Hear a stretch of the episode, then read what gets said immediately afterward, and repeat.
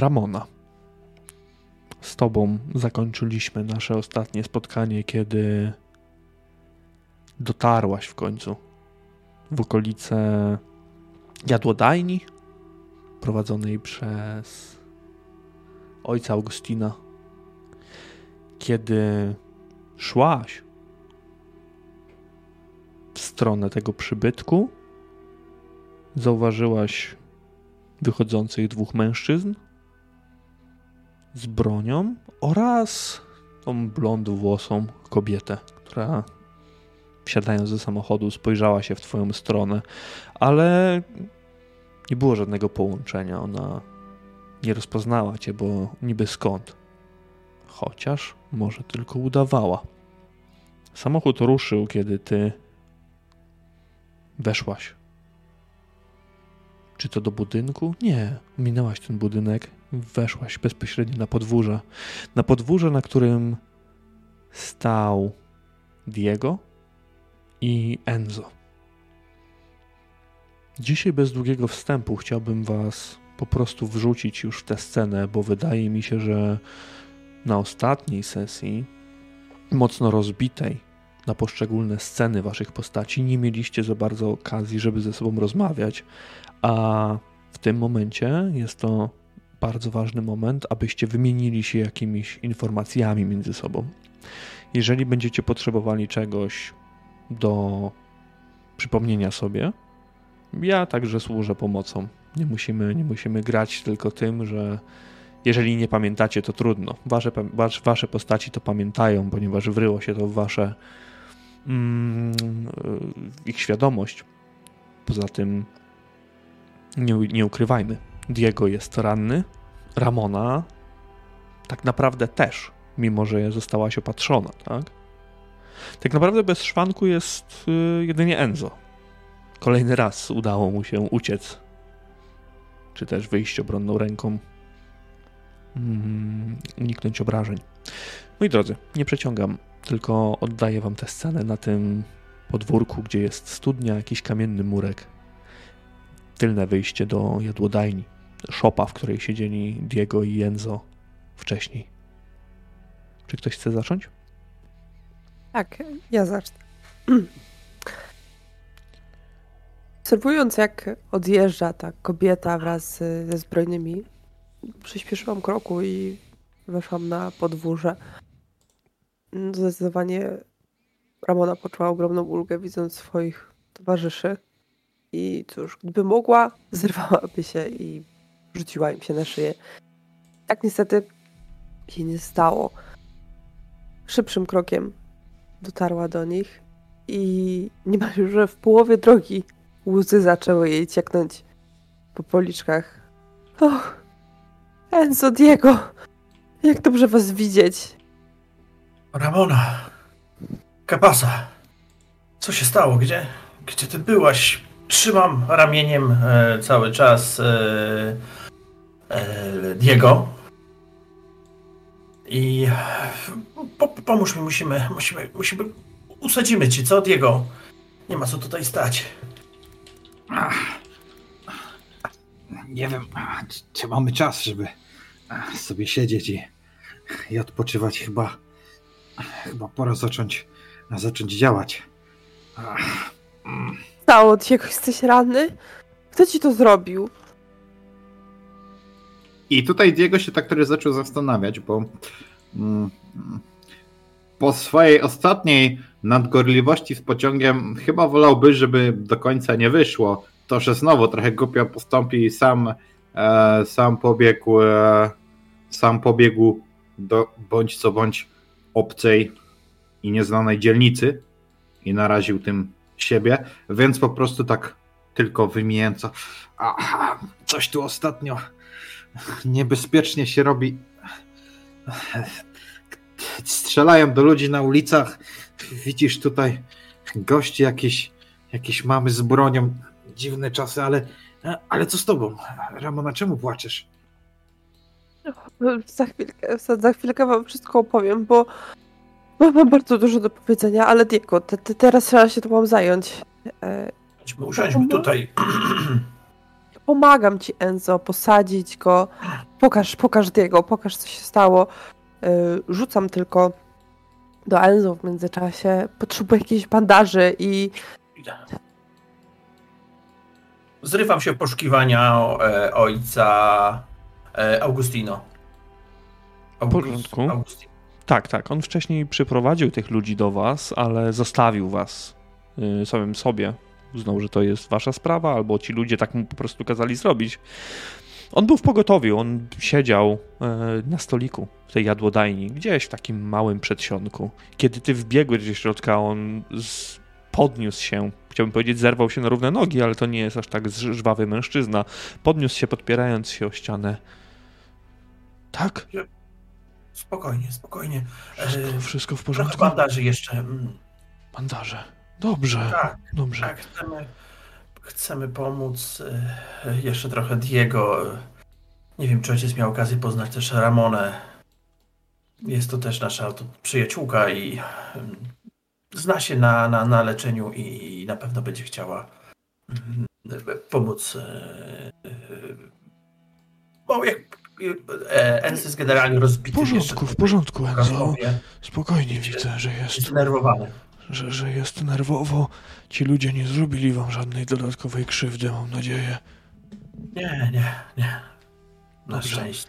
Zaraz przyniosę coś. W porządku, może wejdziecie tutaj do jadłodajni, żeby nie siedzieć tam na, na powietrzu. Ogólnie dzień chyli się już ku końcowi, tak jak, tak jak ustaliliśmy na poprzedniej sesji, żeby was trochę zrównać, złączyć ze sobą, bo tamten dzień, ten dzień był dość wymagający dla waszych postaci. E, sporo czasu minęło.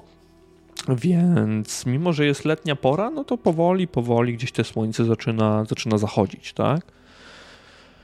E, Wejdziecie, czy mam przynieść tu na zewnątrz?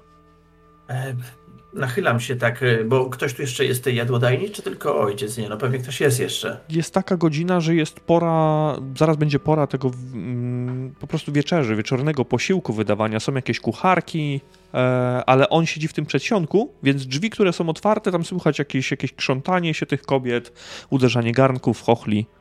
E, ojcze Augustyn, nie chcielibyśmy tutaj sprawiać problemu. E, opatrywanie rany, myślę, no nie jest to może miejsce tutaj dla, dla, dla, dla niepotrzebnych oczu. E, poradzimy sobie, tylko jeszcze jak musielibyśmy poprosić jakieś, jakieś, jakieś bandaże, może trochę wody. W porządku, w porządku. Chodź, wejdźcie chociaż do szopy albo... Do szopy, tak, tak, tak, do szopy się przeniesiemy, oczywiście. Tam, gdzie, tam, gdzie Diego e, leżał. E, dziękuję. I, i, i pomóc ojcu? Nie, nie, nie, nie trzeba. Ja zaraz, zaraz przyjdę. On się krząta, od razu rusza, jakby przebierał nogami wręcz w, w miejscu, chcąc już działać. E, a następnie znika tam pośród tych, pośród tych kobiet gdzieś. Wymija je i idzie, wychodzi jakby z tej jadłodajni. Hmm. Tutaj też warto wspomnieć, jeszcze Enzo, warto ci wspomnieć, że obok y, w sumie jest może nie kapliczka, ale mały kościółek, w którym ojciec tam urzęduje, więc jeżeli byście chcieli się tam przenieść, to też jest zawsze jakiś pomysł, prawda? Mhm, mhm. Dobra. To chwilę się jeszcze tylko tak rozglądam po twarzach, czy są nie za bardzo ciekawieni, ale ja nie zwracam to uwagi i wracam do, do Ramony i do Diego. myślę, że przechodzisz na scenę, w której Ramona strofuje Diego. O, Jamiko, nie możesz tak przecież. Co ty powiesz Patrici? Co ja powiem Patrici? Cały czas cię łatam. Przecież to nie o I- to chodzi. Diego, miałeś na siebie uważać. I gdy padło Patrycja, to jego po prostu zbladł. Mówię, "Ach, no właśnie, ach, no właśnie nie wiem, nie wiem co jej powiem. Dobrze, dobrze, o tym, o tym porozmawiamy za chwilę. I ty też, Diego, jesteś w stanie zauważyć, że ona jest dosyć żywą kobietą. Ona jej zawsze było wszędzie pełno, ona była energiczna, e, czy jest energiczna, e, żywa. Tak e, teraz jakby jest trochę bardziej, hmm, może jej ruchy są trochę bardziej ostrożne, mechaniczne, tak jakby, no wi- widzisz też po niej, że co jakiś czas przelatuje przez jej twarz grymas bólu. To na pewno jest, jest alarmujące. Więc, więc zmie- zmieniam temat totalnie, bo jakby to zbacza na niebezpieczny kurs mieszanie w to Patrycji. Ale, ale mów, co z tobą? Co, co się stało? Gdzie, gdzie byłaś? Czemu taka wstrząśnięta jesteś? Bo... Głos zaczyna drżeć Ramonie, bo, bo... Tylko podobnie strzelano. Jak to? Karam, jak to strzelano? W tym momencie się zrywam, ale ból, znaczy chcę się zerwać, ale ból mnie z powrotem przykuwa. Ach, ale jak to, jak to strzelano? Kto do ciebie, kto do ciebie strzelał? I znów te łzy zaczynają po prostu cieknąć e, po policzkach. Ja pomagałam w kwieciarni tamtej staruszce, wiecie, mojej sąsiadce i, i potem chciałam iść do Rafaela, bo ktoś mi się przyglądał w trakcie, w trakcie dnia i wystraszyłam się. E, nie, nie chciałam być sama i, i w drodze do niego podjechało auto i, i był chłopak w w zaułku, który mi się przyglądał, taki, taki młody młodzieniec, ewi- ewidentnie był przez kogoś wysłany i właśnie wtedy podjechało to, to auto i otworzyli do mnie ogień, a ja, a ja wykrwawiałam się na ulicy i tutaj po prostu znowu histeria, te emocje znowu wzięły górę. Próbuję pocieszyć e, Ramonę, tak przed mówi, już, już spokojnie. Jesteś, jesteś bezpieczna, już wszystko dobrze. Rafaela pewnie nie, nie znalazłaś, ale spokojnie. Jest też on bezpieczny. Nie, nie, nie, nie znalazłam. Ja, ja niewiele pamiętam. Pamiętam, że ludzie się zebrali wokół mnie i zaczęli mnie, mnie wynosić i, i znieśli mnie pod ziemię, a tam zostałam opatrzona przez, e, przez mężczyznę o imieniu Giermo i... O, z- z- zejdźmy stąd, zaraz wam wszystko Spokojnie, opowiem. To spokojnie. jest... Chodźmy, jest- chodźmy do szopy może. Tam, tam, tam gdzie tutaj Enzo. Ojku, przepraszam, gdzie Diego leżałeś. A, chodźmy, chodźmy. Tam się położysz i ojciec e, z Augustin przyniesie zaraz bandaże, e, może jeszcze trochę wody. Na pewno przyniesie też jakieś jeszcze patrunki. I tak jest.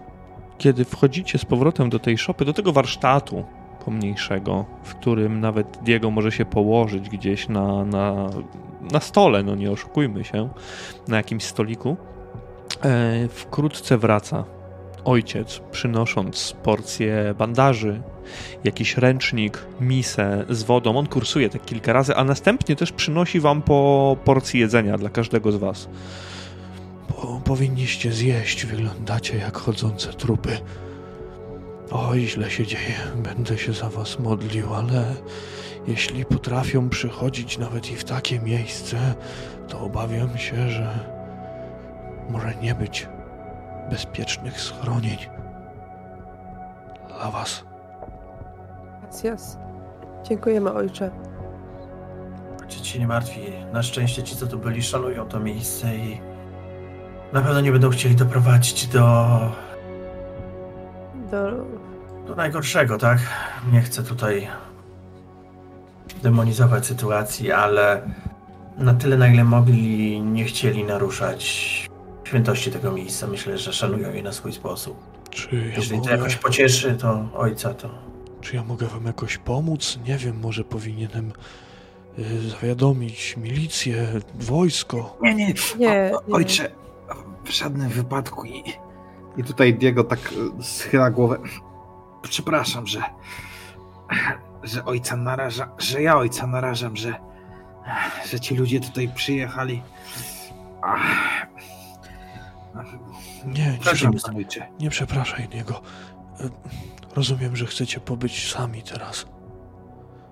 Poradzimy sobie, dziękujemy ojcze. Pomogłeś nam już i tak niewysłowienie wie, bardzo. Udam się do jada, jadłodajni, a następnie spędzę wieczór na modlitwie w kościele, więc jeżeli chcielibyście mnie jeszcze odwiedzić, będę prawdopodobnie tam. E, Dobrze, dziękujemy. Mężczyzna odwraca się i robi kilka kroków w stronę tego podwórza. Zatrzymuje się jednak przy wyjściu, kiedy światło gra z cieniem na jego sylwetce.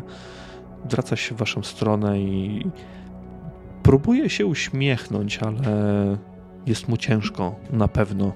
Poprawia nieco sznur na swoim pasie, tak jakby nie miał co zrobić z rękoma i chciałby być potrzebny, chciałby być przydatny tutaj, ale wie, że to są wasze sprawy i lepiej, żeby on się w to po prostu nie wdawał. On ma inną misję do wykonania i kiedy ta niezręczna cisza trwa przez chwilę, on w końcu odwraca głowę. Może nie wzdycha, ale widzicie, jakby odetchnął głośno, a następnie rusza przez to podwórze. Najpierw w stronę studni, a następnie skręca w stronę jadłodajni. Zostajecie sami znowu. Ja zabieram się do pracy, uspokajając y, drżenie, drżenie rąk, ale chcę opatrzyć Diego jak najszybciej, Dobra, tak żeby ulżyć mu. Okej. Możliwe. I Wejdziemy sobie w warstwę mechaniczną. Jeżeli mm, chcesz leczyć Diego, to za każdy twój wydany jeden punkt leczenia Diego odzyska dwa punkty życia. First aid, tak? Mhm. Tak, first aid. Nie rzucasz, tylko wydajesz punkty. Ty, de, ty deklarujesz, ile wydajesz. E, no oczywiście no, do maksymalnej wartości, jeżeli Diego jest na tyle ranny. Z tego co widziałem, Diego e, nie jest ranny poważnie. On nie zszedł nawet poniżej zera punktów żywotności, więc tutaj ta rana jest też bardziej fabularna niż e, naprawdę zagrażająca jego zdrowiu. Ponieważ normalnie e, Diego mógłby odzyskać, każda postać mogłaby odzyskać jedną trzecią swoich punktów wytrzymałości. Resztę należy odzyskać poprzez normalną regenerację, czyli odpoczynek, i wtedy odzyskuje się dwa punkty żywotności na jeden dzień odpoczynku. Dlatego postaci w, na tropie Cthulhu, te naprawdę ranne, są dość e, delikatne i wrażliwe na, na wszelakie ataki. U ciebie, Ramona, ten atak był poważny. Tam sobie troszeczkę, troszeczkę inaczej to rozegraliśmy, bo Guillermo, Guillermo ci pomógł ale no teraz już, teraz już nie, ma, nie ma żadnych e, taryf ulgowych i stosujemy pełną mechanikę odnośnie leczenia. No jestem na 6 punktach z 12. Dobrze, to ja jestem w stanie ci dwa dodatkowe punkty przywrócić. Czyli jeden punkt leczenia wydajesz, tak? Dwa. Dwa, czyli cztery punkty zyskujesz. Diego. A, tak, no to cztery. To wracasz w takim razie chyba do pełni. No jeżeli masz 6 na 12 czy 6 na 10? Mam masz? 10. Dobra, E, 6 na 12, czyli mam 10 teraz. masz 10 na 12. W porządku. E, Ramona, dawaj, dawaj. Kontynuuj, kontynuuj. Bo mam wrażenie, że no, twoja opowieść, może zjedzmy, podaję te, jak już e, Diego jest powiedzmy ustabilizowany na tyle, że te miski zjedzmy. No i powiedz Renata, jak ty się czujesz? I, i, i co się coś tam dalej działo? Opatrzyli cię i Tak, tak. Ja. Wynieśli mnie coś mężczyźni. Nie wiedziałam, co się ze mną dzieje i gdzie, i, gdzie idę. I, I tak jak mówiłam, tamten mężczyzna, Giermo, on był ewidentnie kimś, kimś mojego pokroju. Opatrzył mnie. Ja odwracam się, odsłaniam kawałek bluzki, pa, pokazuję bandaże. E, Pewnie już zakrwawione, tak? No ta, te, te, te rany przecież musiały się na pewno otworzyć. N- Nie wiem ile to trwało, ale. Ale miałem wrażenie, jakby, jakby całą wieczność, a, a potem. A potem on prowadził mnie przez tunele przemytnicze pod ziemią. Jakby gdzieś w głąb. W, w głąb miasta albo sama nie wiem gdzie, ale, ale trafiłam do, do palarni opium. A tam, a tam poznałam, pozna, poznałam panią Z, panią Zelinę. Ona y, jest kimś pokroju Dona, odpowiada za, za część miasta i to akurat na jej terenie zostałam postrzelona, więc, więc mnie uratowała i mówiła, że oni są neutralni, że oni się nie mieszają w wojny gangów, że e, wojny rodzin, że, że oni sobie cenią, cenią sobie spokój, że są pacyfistami i ona mi opowiedziała o o Enzo. Pamiętasz tą kiedy, kiedy z Doną byliśmy w muzeum, opowiadała nam te wszystkie historie o, o Aztekach i, i zrobiła nam tą, tą, tą lekcję historii i wtedy ta Zelina, ona, ona też mi opowiedziała pewną historię, pewną, pewną przepowiednię i tutaj chciała liczyć na pomoc mistrza gry o przypomnienie tej przepowiedni. Już ci przypomnę.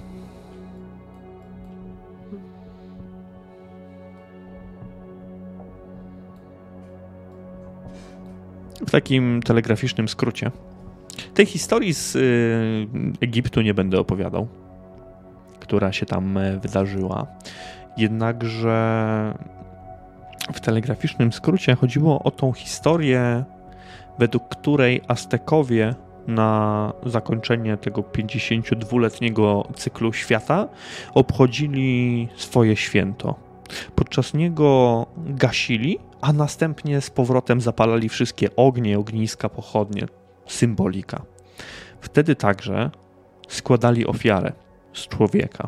Aztekowie w przeciwieństwie do Majów byli bardzo, bardzo może nie spragnieni krwi, ale uznawali, że ofiara z krwi ludzkiej jest dużo ważniejsza. To był naród wojowników. Takiego człowieka na, na początku ogłuszano albo odurzano dymem z konopi, następnie kładziono go na rozżarzone węgle, bądź rozpalano ogień na jego klatce piersiowej. Kulminacyjnym punktem było wyrwanie serca tej ofierze. Wierzono w ten sposób, że po zakończeniu ceremonii ułaskawi się bogów, a świat zostanie uratowany na raptem kolejne 52 lata. I opowiadam właśnie w takim skrócie całą przepowiednię. I podczas tej rozmowy z Zeliną rozmawialiśmy o rodzinach. Ona, ona doskonale wiedziała, że ja jestem kimś tego świata i co nie chcąc musiałam powiedzieć, dla kogo pracuję. Więc gdy dowiedziała się, że jestem z rodziny Dominguez, cóż, cała ta historia, cała ta, ta przepowiednia zaczęła mi się składać w jedną całość. A co jeśli, Enzo, a co jeśli? Znaczy jest koniec cyklu, tak? Według tego, co powiedziała Zelina. Więc według tych wierzeń trzeba złożyć ofiarę, żeby ułaskawić bogów. No i tak, tak sobie myślę, że skoro, skoro Don Salvadore tak bardzo jest, za, jest tak bardzo zainteresowany całą tą historią i, i kulturą, to, to musi mieć jakieś podłoże, tak? E, I, I może teraz przyszedł czas, żeby złożyć jakąś ofiarę, nawet może w taki metaforyczny sposób. A co jeśli to, to nasza rodzina ma być tą ofiarą? I sama nie Oj. wiem, wszystko jest takie, jest takie zagmatwane i, i Selina mi jeszcze powiedziała, że kiedyś yy, nasza rodzina i Agirre byli przyjaciółmi, że Don i, i, i, i z głową, z głową Agirre, z głową rodziny Agirre się przyjaźnili, więc co musiało się stać? że przyjaciele stali się wrogami. Ja, ja wiem, że to wszystko brzmi bardzo chaotycznie, ale, ale to ma jakiś sens. To musi mieć jakiś głębszy sens, patrząc na to, co się dzieje. Diego aż zapomniał, że no jakby o tym swoim postrzale słuchał tego, co mówi e, tego, co mówi Ramona i o ile może kwestie właśnie związane stricte z tymi przepowiedniami jakoś średnio do niego trafiały. Oczywiście, jak każdy Meksykanin był osobą głęboko wierzącą w Boga, natomiast nigdy jakoś nie zastanawiał się za bardzo nad, nad przeszłością i, i jakby nad tym, co, jak kiedyś wyglądała Ameryka jedna czy druga. W każdym razie, tutaj jakby gdy do, doszło do kolejnych rewelacji, jak to, a, Doni i, i Skorpiony? byliśmy kiedyś e, w przyjaźni. Nie mogę, nie mogę to uwierzyć. Ale masz rację, co musiało się stać, że teraz tak naprawdę jesteśmy niejako w stanie wojny. I, I tak spoglądam, spoglądam e, w tym momencie na Enzo, bo jednak w kwestiach takich naukowych to on jest dla mnie swego rodzaju autorytetem. I Enzo, a, a co ty o tym wszystkim myślisz z tego, co Ramona opowiada? za różowo, to nie wygląda i, i ciekaw jestem, kim jest ta podziemna rodzina. Z tego co mówisz, moja droga, mają wielką władzę i, dużo możliwości, a, a nigdy To- wcześniej o nich a, nie słyszałem. To przede wszystkim przemytnicy, oni są w podziemiach. Nie chcą być, wiesz... Tego co zrozumiałam, no też nie powiedziała mi za dużo, ale, ale oni nie chcą być na świeczniku. Oni chcą pozostać w ukryciu. Ale ta Zelina dużo wie. I wiecie, ja mam u niej długo, ona uratowała mi życie. Tak się boję. No właśnie, to dużo rzeczy, tak jak wspomniałeś też Diego, Ramona, jest to też jakaś układanka, którą ja tak...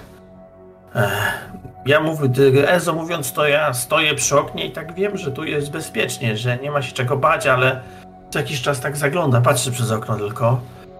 E, odruchowo nawet szuka papierosu, bo on się, jak się denerwuje, jak wspomniałem, on pali, ale nie ma akurat przy sobie, przez więc co chwila zapomina, że ich nie ma, szuka, mówi, a nie mam już. No. Myślę, że ja tobie daję papierosy w takim razie widząc, bo ja na pewno gdzieś miałem i, mm, i też jakby tutaj Ramona, ale powiedz, jak ty się czujesz po łataliście?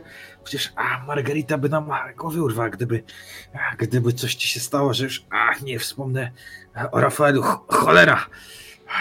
Nie możemy teraz, wychodzi na to, chodzić pojedynczo ulicami, żeby nawet we własnym mieście człowiek a, nie mógł przespacerować się swoją własną cholera dzielnicą, bo jakieś skurwiane na nas a, polują. A, a, Enzo, A, e, leki przeciwbólowe działają, więc jeszcze jest okej, ale, ale za chwilę może być może być krucho. Ja też się częstuję papierosem. To jest taka sytuacja, że, że i, i Ramona musi zapalić. Ale, ale widziałam, że ktoś, z kim się spotkaliście, kim była ta kobieta i ci zbrojni. To, to oni ci tak urządzili Diego?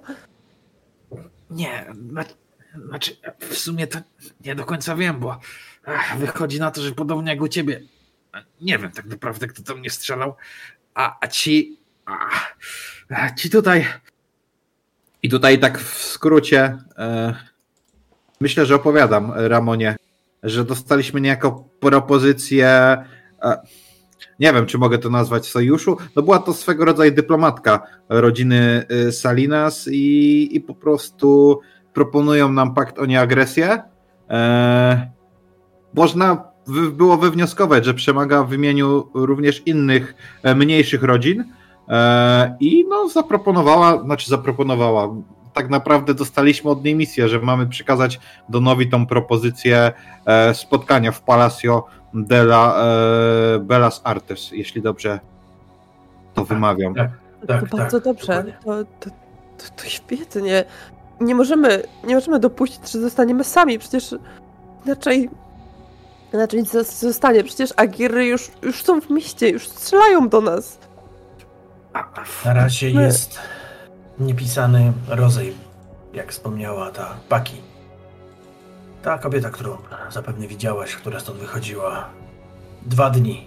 Mamy dwa dni na, na to, żeby się przygotować Musimy i przekonać, spotkać z nimi. musimy przekonać Dona. To jakby to nasze miasto. To, kiedy jak nie teraz powinniśmy się zjednoczyć i, i działać e, wspólnie, tak? Tu przecież nie chodzi o, o dominację, o władzę ostateczną. Tu chodzi o utrzymanie własnego miasta i współpracę. Właśnie chyba chodzi tutaj właśnie tak, jak mówisz, o, o współpracy. Oni jakby już są w naszym mieście i chyba nie chcą go puścić. Nie wiem, co Don o tym będzie chciał, co o tym... No jaki ma plan, tak? Ale, ale ja też bym był za tym, żeby go przekonać, żeby jednak, no... Żebyśmy się dogadali z nimi. Bo zobaczcie, jednym, jednym ruchem, jak, jak nas, że tak powiem, nie powiem, że pokonali, ale no, zrobiło się strasznie Pobili. fatalnie, podbili, tak. Nie przegraliśmy wojnę, powiedzmy, że może bitwy. W każdym razie, no na pewno trzeba skontaktować się z, Don, do- z Donem i, i mu to przekazać. Jedna rzecz jeszcze, jak wspomniałem o tym puzzle. Bo ja się trochę tak interesowałem. Pamiętacie naszą ostatnią. Akcję? Tam zdobyliśmy tą szkatułę.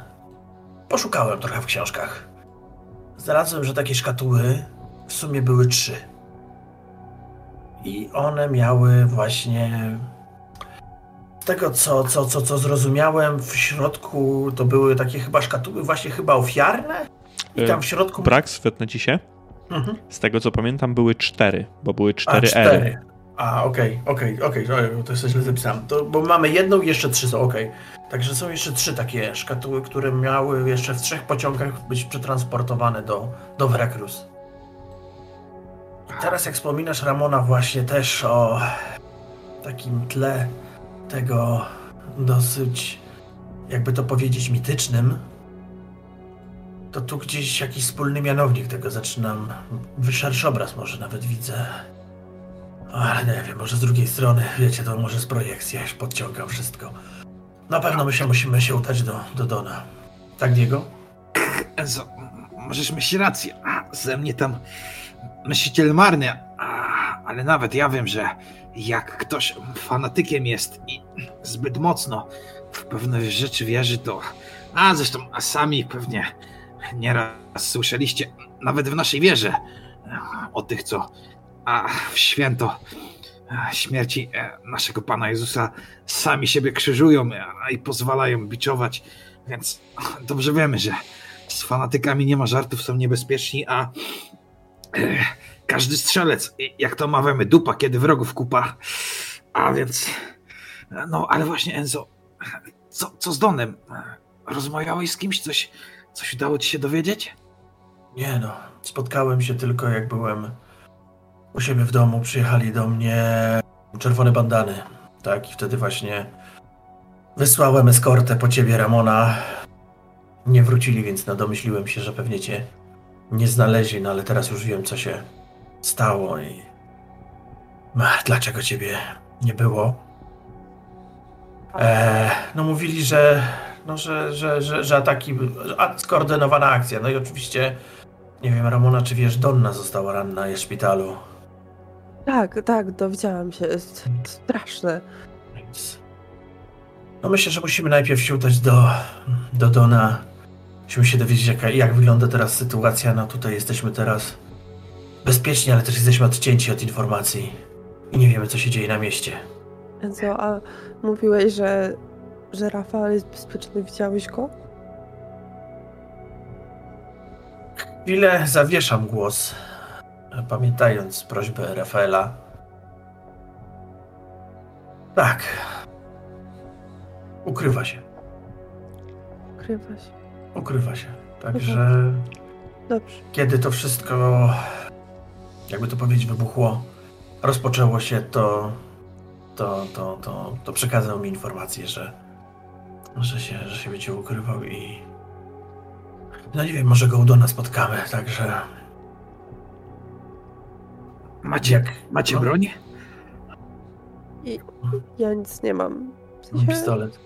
mały pistolet ze sobą, tylko w torebce.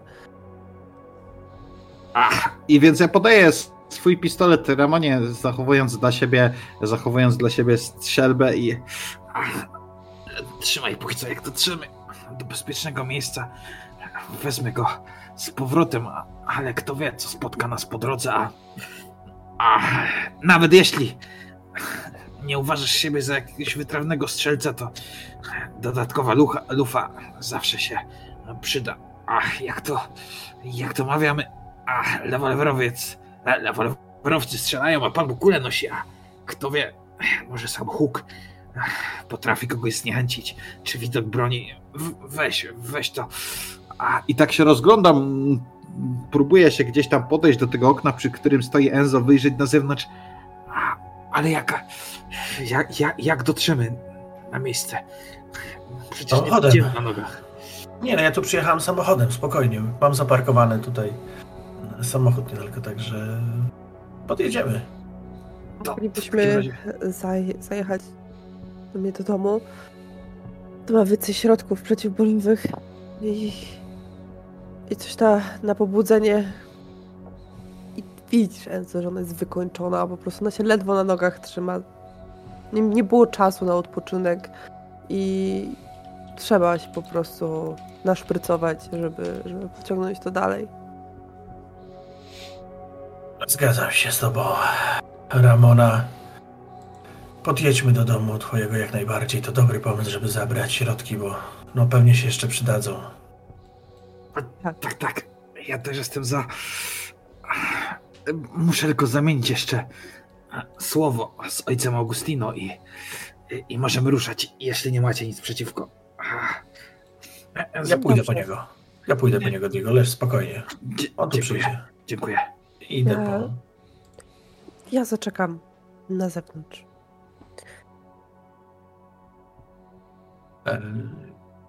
Idzie, patrzy, czy ojciec jest w jadalni, jak nie, no, podejrzewam, że tam e, może w kapliczce być, bo wspominał, że będzie się modlił.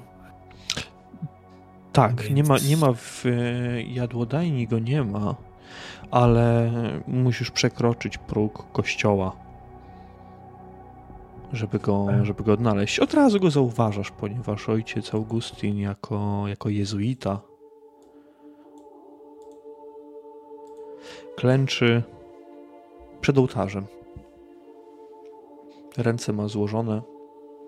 Widzisz jego siwe włosy, kaptur, który opada na plecy i mężczyzna, który wypowiada słowa modlitwy dość cicho, raczej nie jest świadomy tego, że wszedłeś do środka, mimo że akustyka w kościele jest wręcz idealna. I ty słyszysz słowa jego modlitwy. Jedne po drugich. Żarliwie się modli. Nie jest to jakaś modlitwa indywidualna, po prostu zwykłe zdrowaś Mario, Ojcze nasz. Następnie zaczyna jakąś litanię.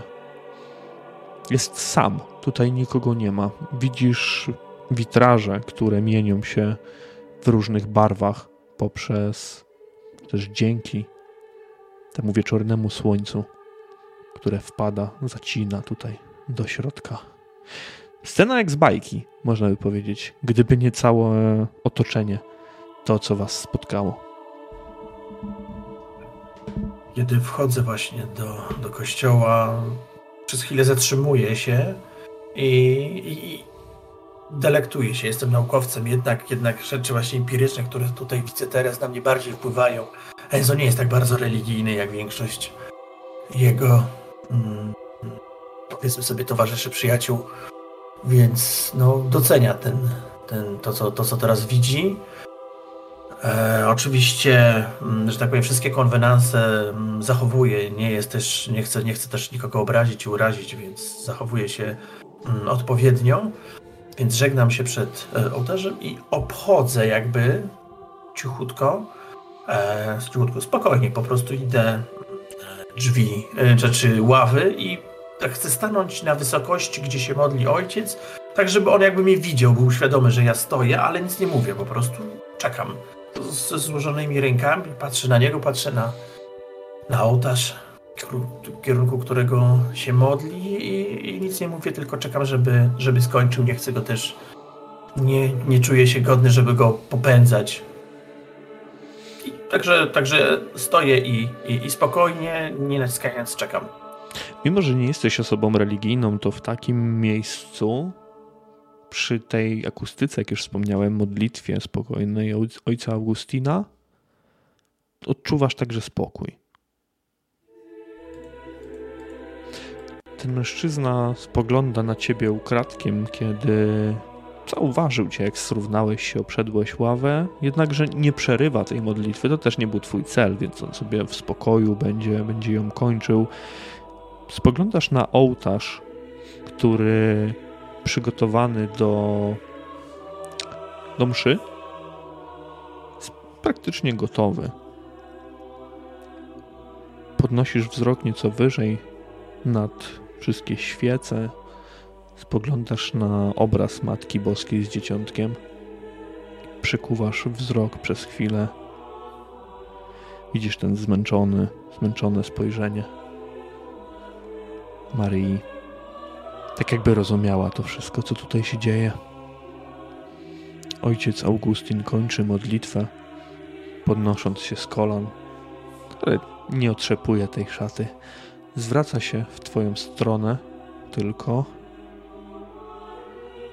w czymś mogę pomóc? Ten głos roznosi się nieco wśród tych ław. Jesteście tutaj sami. Drzwi są, drzwi są otwarte, bo zostawiłeś je. On robi kilka kroków w twoją stronę. Jeśli jakkolwiek mogę, zrobię, co będzie trzeba. Enzo odrywa wzrok od, e, od wizerunku Maryi. Wszystkim jeszcze raz chciałbym podziękować ojcu. No pomógł nam ojciec tym teraz wytchnieniem, tą tym czymś, co właśnie tutaj poczułem, jak zawsze, kiedy tutaj wchodzę do, do kościoła, tą chwilą spokoju. Diego się lepiej poczuł, też chciałby z ojcem jeszcze zamienić kilka słów, jeżeli mógłbym poprosić. Oczywiście, oczywiście. On wskazuje ci jakby dłonią, żebyś szedł obok niego i on także rusza. Nie, nie spieszy się, idzie powoli obok ciebie. Mhm. Nawet jeśli nie odczuwasz tego, co inni, jeśli wchodząc tutaj poczułeś spokój i ukojenie, to znaczy, że misja takich jak ja ma sens. Bo wiesz, Enzo, to w takich drobnych, krótkich chwilach poznajemy istnienie Boga, tego jedynego. Mam nadzieję, że to zrozumiesz. Ale nie będę nawracał, tak jak moi bracia w wierze. Nie jesteśmy już tacy jak kiedyś. Nie tacy jak nasz patron Ignacy Loyola. Ale to nieważne w tym momencie. Podejdźmy do Diego.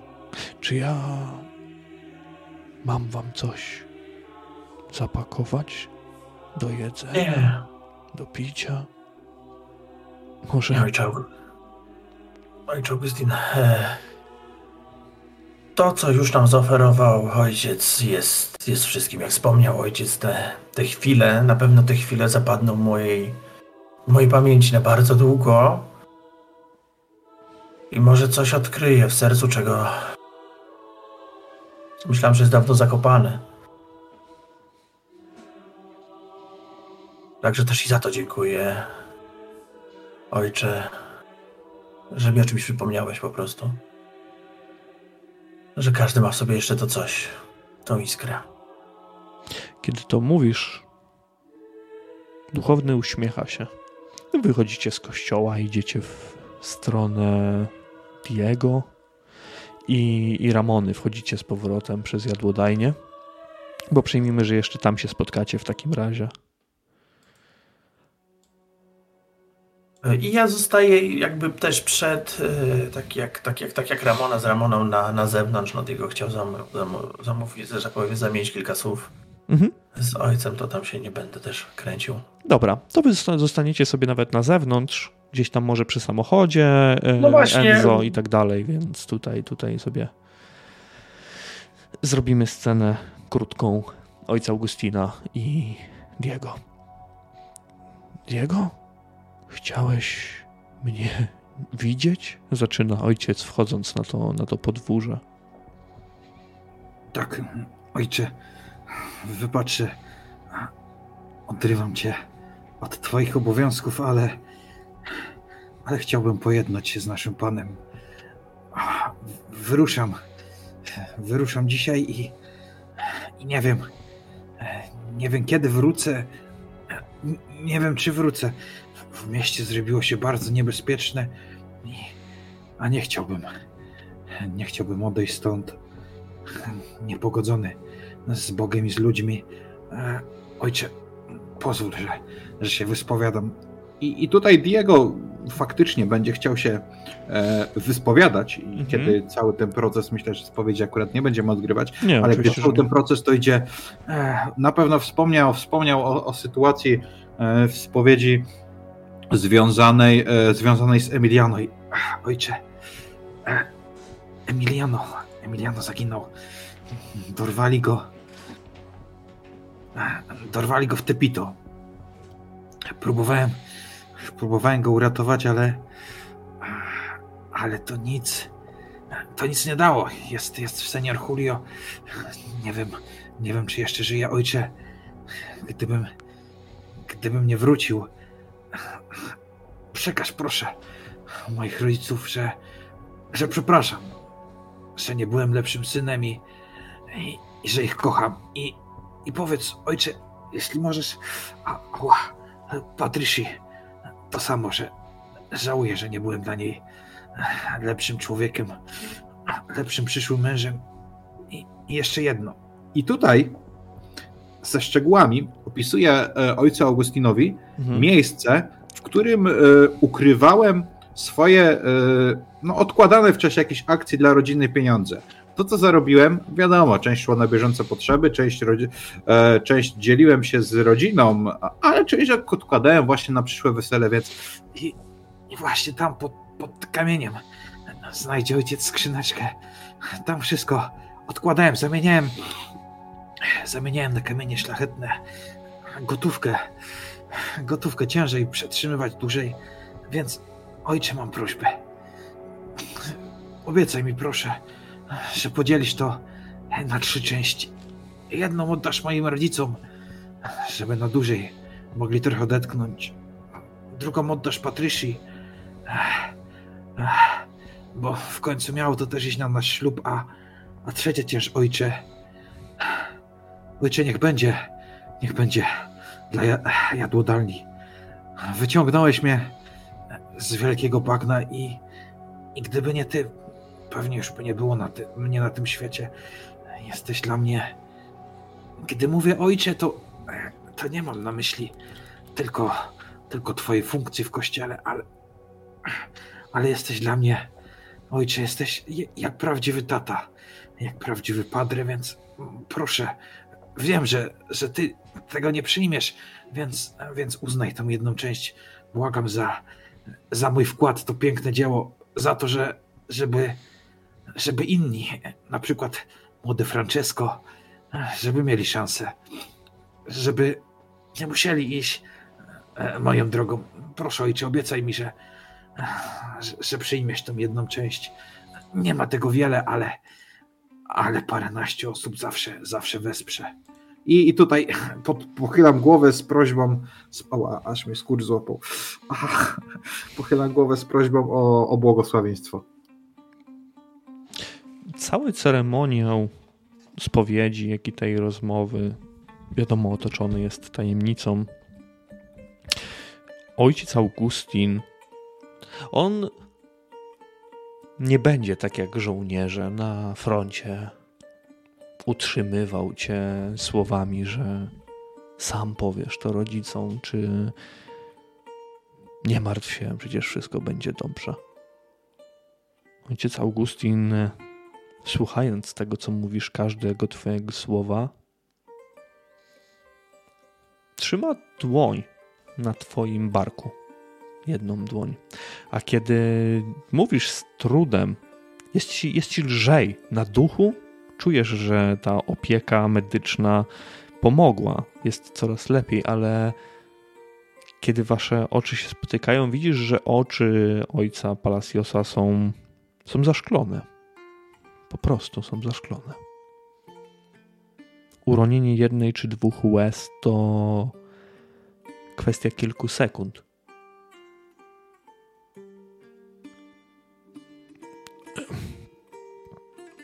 Obiecuję. Bóg, Bóg mi świadkiem, że zrobię to, co będzie trzeba, zgodnie z Twoją prośbą. Jego. Tu nie trzeba błogosławieństw, chociaż oczywiście takie ode mnie otrzymujesz. Będę się modlił o to, abyście wrócili cało. Aby w Meksyku znowu zapanował pokój. Tak bardzo się bałem w pewnym momencie, że będziesz musiał wyruszyć na front że wyślą cię do Europy. Że zapomniałem o tym, jak wielkie zagrożenie czyha na naszych ulicach. Nie daj się. Jego. Nie daj się. Zakończmy tę scenę. Diego. Z ojcem. Wznowimy sobie to w momencie, kiedy połączycie się już z Enzo i z Ramoną. Ale zanim to będzie miało miejsce, no to standardowo zaproszę Was na, na chwilę przerwy. Więc wracamy po przerwie. Wsiadacie do samochodu Enzo. Kto prowadzi? Raczej Enzo, prawda? Bo Diego jest ranny, Ramona też tutaj raczej, raczej nie bardzo, więc wybór jest Tak, jeden. ja myślę, że usiądę obok Ramony i będę, będę jej pomagał, bo pewnie powoli gdzieś tam zaczyna nam odpływać, no nie? Więc tylko widząc, że na, gdzieś tam pewnie zaczyna powoli wcił, to Ramona, wszystko w porządku? Powiedz mi, Tak, co, tak. co, co mam robić? Jakoś, Mów do mnie. pom- pomóc? Y, mów do mnie. Ja. O, to był bardzo długi dzień. Leki przestają, przestają działać. Jak chcesz, e, Ramona, tak już jeszcze siedzę sam w samochodzie, nie ruszyłem. Sięgam do marynarki i wyciągam torebeczkę strunową, bo ja to mam, że tak powiem, zawsze po- podręczną kokainę przy sobie. E, Ja już od wczoraj trzymam się, że tak powiem, pionie dzięki temu. Tak. No to przekazuję tam tylko do tyłu i, i ruszam. Tam oczywiście jest e, jakiś banknot, kawałek lusterko. Takie rzeczy się ma po prostu ze sobą. W tym samochodzie na pewno. Dobra. Dobra, tutaj nawet nie musimy korzystać z jakiegoś aptekarstwa, z twojej umiejętności technicznej. Ramona, e, ty wiesz, ufasz Enzo i wiesz, jak, jak czysty i jak dobry jest to, to towar. Sama także potrafiłabyś go prawdopodobnie uzyskać w ten czy inny sposób, ale ty pewnie się tym nie zajmowałaś od tej technicznej strony, bardziej od identyfikacji. Wiem jak to zrobić, jak się to przygotowywuje, jak to sprawdzić. mhm. I, I raczej, raczej ja byłam tą osobą, która sprawdzała, a Enzo wytwarzał. Dokładnie. Dobra. Ruszacie ulicami Meksyku przy świetle zachodzącego słońca. Jakże romantycznie można by powiedzieć, gdyby nie sytuacja, która ma miejsce w środku, ale o zażywaniu narkotyków nie będziemy tutaj dokładnie mówić. Ramona, oprócz jeszcze tego, co zostaniesz u siebie w domostwie, e, powiedz mi, ile punktów chcesz wydać na przywrócenie sobie życia. Dwa.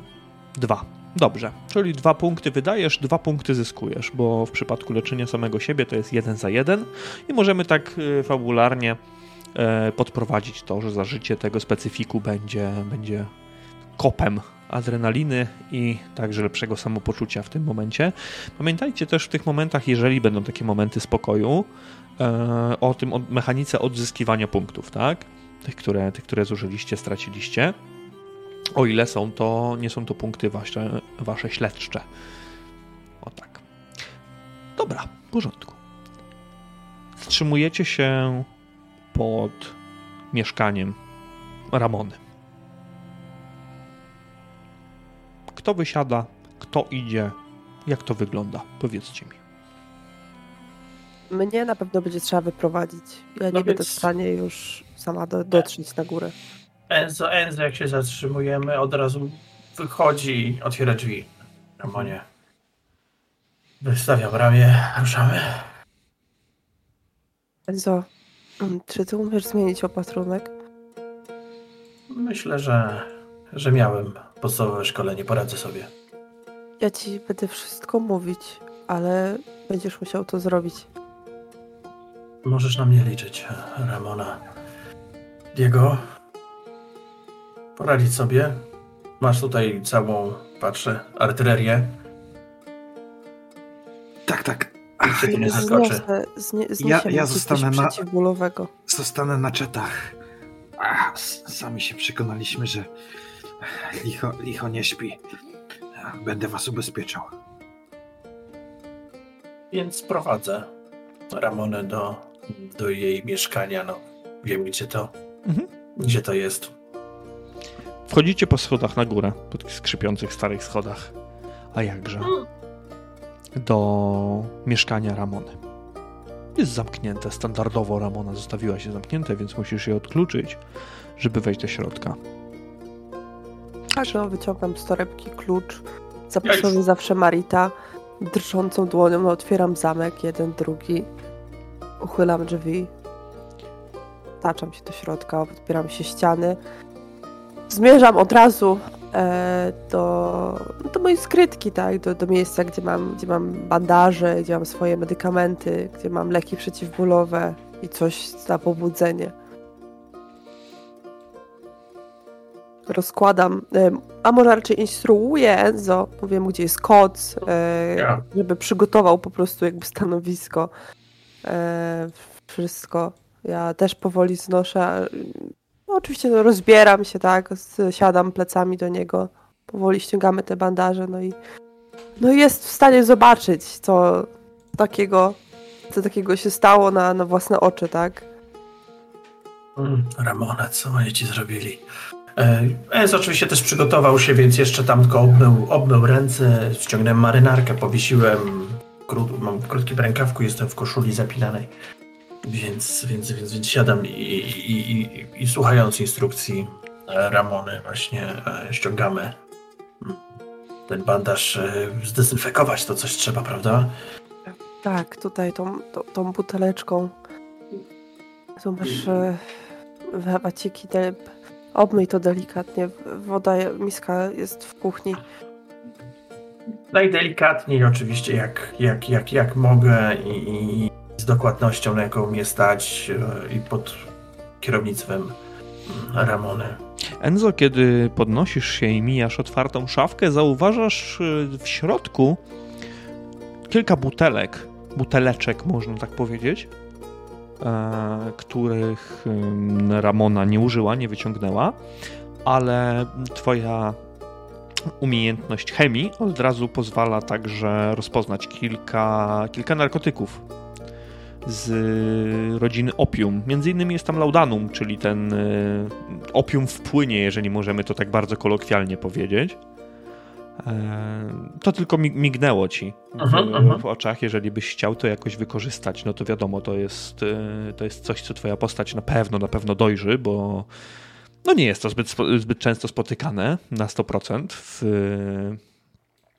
w tych realiach. Tym bardziej w związku z tym, co Ramona mówiła o palarni opium i o tej niejakiej zelinie. W takim układzie to też może być, może być na pewno, na pewno mm, jakaś poszlaka. Mm, Ty, Enzo, nie jesteś chyba w ogóle przeszkolony w udzielaniu pierwszej pomocy, prawda? Jak to wygląda u ciebie? E, No, w ogóle nie jestem przeszkolony, ale myślę, że pod e, kierunkiem e, patrzę tak tutaj Ramony. First, a, no tak, to nie, mam, mam zero. Chodzi mi o to bardziej, że kiedy spojrzałeś na te opatrunki wcześniej, na początku, zanim zaczęliście je ściągać, zobaczyłeś, że nawet twoja wiedza znikoma pozwoliła dostrzec, że były one przygotowane mm, bardzo pieczołowicie, z pietyzmem. Ten, kto zadbał o Ramonę, musiał się naprawdę postarać. To nie była fuszerka, to nie była byle jaka robota. To było naprawdę oddanie się tej pracy i ktoś znał się na tej robocie. Te rany nie wyglądały paskudnie. Też tam kilka pocisków e, dosięgło twoich pleców, Ramona. Tak jak Guillermo ci powiedział, większość to były jakieś przetarcia. Prawdopodobnie kiedy już upadałaś, e, dostałaś jeszcze niektóre, niektóre, niektóre postrzały. E, ślady po kulach są dwa. Kul oczywiście nie ma, bo Guillermo je wyciągnął i zdezynfekował ranę. To boli. Plecy masz niemalże sztywne, Ramona, to, to wiesz o tym. Ale będziesz funkcjonować. To nie są, to nie są rany poważne, nic, nic poważnego ci się, ci się nie stało. Tylko ta adrenalina, która zaczęła schodzić już w pewnym momencie, dała się, jej- dała się jej odpowiedni zastrzyk, dała się jej kopa, więc ten ból jest trochę mniejszy. To nie jest jak, to nie jest jak u Diego, który cały czas ten ból gdzieś tam odczuwał, przeżywał. No chyba, że też zażyje specyfik odpowiedni, więc też będzie, też będzie mógł się Nie, nie, nie. troszeczkę... Jego, jego jest co pewnie nietypowe, ale jest przeciwnikiem. Co prawda biernym przeciwnikiem, nie chodzi nad ludźmi i nie mówi, a nie bierz czego, nie rób tego. Innym nie przeszkadza, ale sam nie bierze, więc nie, jego nie. No właśnie, bo to też, też specyfika rodziny, prawda? Ale no nikt, nikt tutaj nie nakazuje tego robić. Więc wrócę do Was jeszcze na chwilę. Mm, Z tymi informacjami, które Wam przekazałem, możecie sobie jeszcze chwilę porozmawiać. Widziałem, że ty masz całkiem niezłą, tak próbując zmienić e, temat, za niezłą apteczkę. Widziałem buteleczki z laudanum. A, tak, ja też mam też co nieco wiedzy w twoim zakresie, a i różne dojścia z uwagi na wykonywany przeze mnie zawód. I takie specyfiki się znalazły. Zabieramy je ze sobą, przydadzą nam się. Myślę, że, że tak, takich, takich rzeczy, takich rzeczy nigdy za wiele. Jak skończymy tutaj, to pakujemy moją torbę. Tam pomieścimy różne rzeczy, też coś dla Diego, coś yy, specjalnie dla niego przecież. No tak, tak. On nie korzysta z takich, z takich rzeczy jak my. Uśmiecham się, bo rozumiemy się, że tak. Ja dla Diego to wiem o co chodzi od razu. Jasne. E, No więc kończę. To na pewno nie, ten opatrunek nie wygląda tak, jak był założony przedtem, ale mam nadzieję, że e, choć trochę spełnia swoją funkcję. Słyszycie kroki na korytarzu i ktoś wchodzi do mieszkania. Ja rękę z tyłu na broń, ale nie wyciągam. Widzisz od razu, e, Enzo, kobietę, która z wyciągniętym przed sobą pistoletem, dwoma dłońmi trzyma za ten pistolet, ręce jej się chyboczą. Rozpierdolę was, jak jeszcze raz będziecie o nią pytać. Rozpierdolę was, powiedziałam! I kiedy zauważa w końcu Ramonę, puszcza ten pistolet na ziemię. To Rita. Rita, Ramona! Co tu się do kurwy dzieje? Podnoszę rękę, żeby ona przypadkiem nie wpadła na pomysł, żeby rzucić się na mnie. Ona już była, wiesz, w pół kroku tak, Tak. naprawdę do ciebie. Więc, więc ja ją stopuję po prostu. No, Rita, spokojnie proszę. Kto pytał? O co, co się stało? No przychodzą tu jacyś ludzie, pytają się o ciebie. To nie jest normalne. Z bronią, z jakimiś, z jakimiś czerwonymi szmatami na ryju i wypytują o ciebie. Mówię, że nie znam, nie znam. Oni mówią, że no, kurwa na pewno tutaj mieszkasz. Mówię, że nie, kazałam im wypierdalać, ale oni nie. To, to trochę się przestraszyłam w sumie. Bo wiesz, ja sobie daję radę, ale tu czterech mężczyzn było tak naprawdę. Oj, Hermana. No, przepraszam, ale musiałam ich wpuścić do mieszkania. Pokazałam im, że ciebie nie ma, no i jak y, drugi raz im kazałam wypierdalać, no to posłuchali i poszli. Tylko powiedzieli, że wrócą, ale nie wiem o co chodzi, więc wziąłem pistolet i czekam teraz. Jak wrócą, to im kurwa przestrzelam nogi. W kolano, nie? Tak jak mi mówiłaś, w kolano. Tak, tak, uśmiecham się delikatnie. Albo tak, lepiej. tak, kolano. Tam. Tam, Ramona. Rita. Ach, tak, zdecydowanie to czułe miejsce, ale gdyby to była kobieta, to w kolano. Wy tu nie jesteście bezpieczni w ogóle. Rita, ja tu muszę cię przeprosić, bo, bo ja już też się troszeczkę rozluźniam. Tych ludzi to ja przysłałem. Jak? Co? Bałem się o Ramonę i wysłałem ich. To, była, to byli nasi, można powiedzieć, nasza eskorta, ochroniarze, którzy mieli ją bezpiecznie sprowadzić do mnie. Oczywiście Tak. na łeb upadli. Takich ludzi wysyłać do mieszkania. Uff, ja się muszę napić, ja się muszę napić. I ona podchodzi do jakiejś szafki i zaczyna przepatrywać, co tam, co tam jest w środku.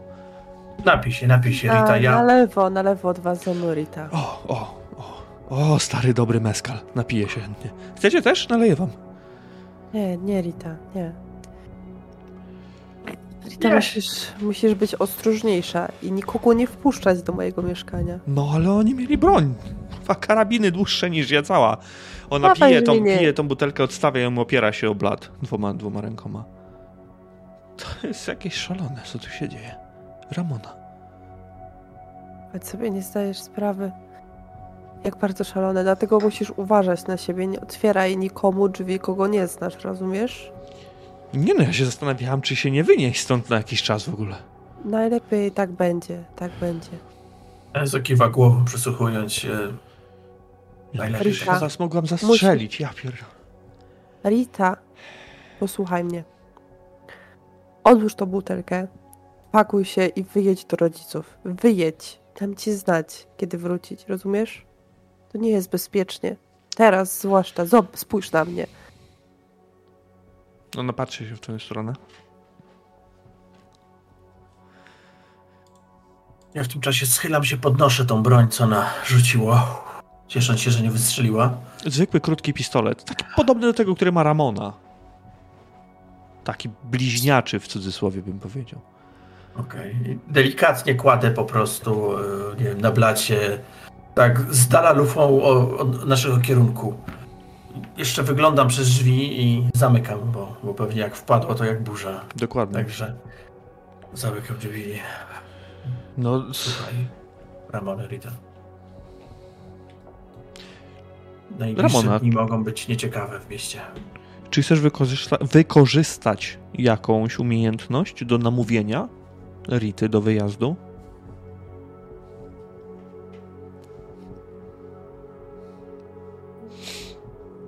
Tak, Słucham więc. Już jest piąta sesja, więc teraz już ja wam nie będę podpowiadał. Teraz już sami korzystacie ze swoich umiejętności. Wydaje mi się, że jest to, jest to fair w tym, w tym rozegraniu. dobrze. W takim razie.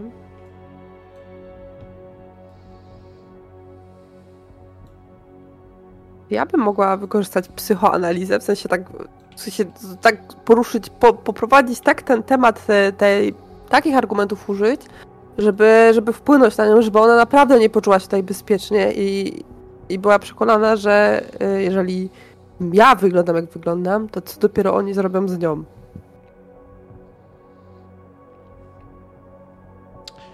Psychoanaliza sama w sobie, okej, ona po, mm, na pewno pozwoliłoby ci to ją uspokoić, tak? I spojrzeć na sprawę bardziej ym, racjonalnie.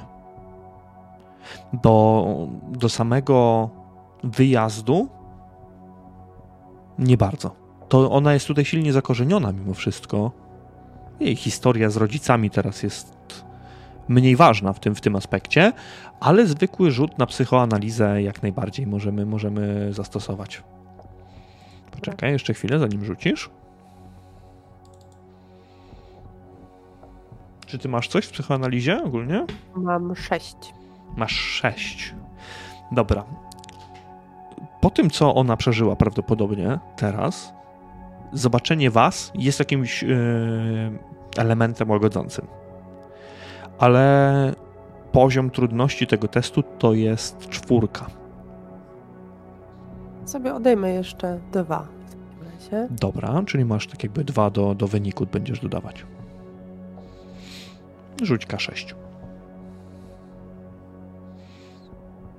Super, dobra. Rita, słuchaj mnie. Mhm. Ja wiem, że to wszystko jest bardzo trudne i, i nerwowe. I wiem, że nie chcesz, że nie żyjesz z rodzicami za dobrze, ale. Ale Rita, Rafael się ukrywa. Diego jest postrzelony, mnie postrzelili. Nie wiem, w mieście wybuchł chaos. Musisz, musisz o siebie uważać. Bo jeżeli, jeżeli coś tobie się stanie i oni wykorzystują, wykorzystają ciebie do, do, do złamania mnie, to Rita, wiesz, że ja spalę pół miasta, żeby ciebie ratować. A ja nie chcę, żeby ci się stała krzywda. Nie chcę, żeby ci najmniejszy włos ci z głowy spadł.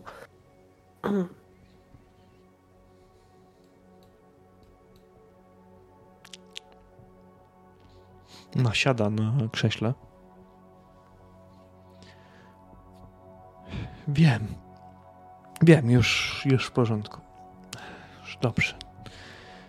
Ale przecież wiesz, że ja sobie e, żyły wypruję, będąc kawał drogi stąd i nie wiedząc, co się dzieje z tobą, z wami. Rita, musisz, musisz mi zaufać. Proszę cię. Jeżeli, jeżeli wszystko się uspokoi, od razu dam ci znać. Zadzwonię. y, Zadzwonię do twoich rodziców. poruszę niebo i ziemię, żeby się z tą skontaktować, żebyś, żeby, żebyś mogła wrócić, kiedy będzie bezpiecznie. Proszę cię, Rita, bo ja ryzykuję i Rafael ryzykuje. Nie mogę jeszcze. Nie mogę znieść myśli, że ty też miałabyś ryzykować. To jest ważna postać dla ciebie, Ramona. Bardzo Więc e, jeden punkt z twojej empatii będę prosił, żebyś sobie zabrała, jeżeli chcesz ją przekonać.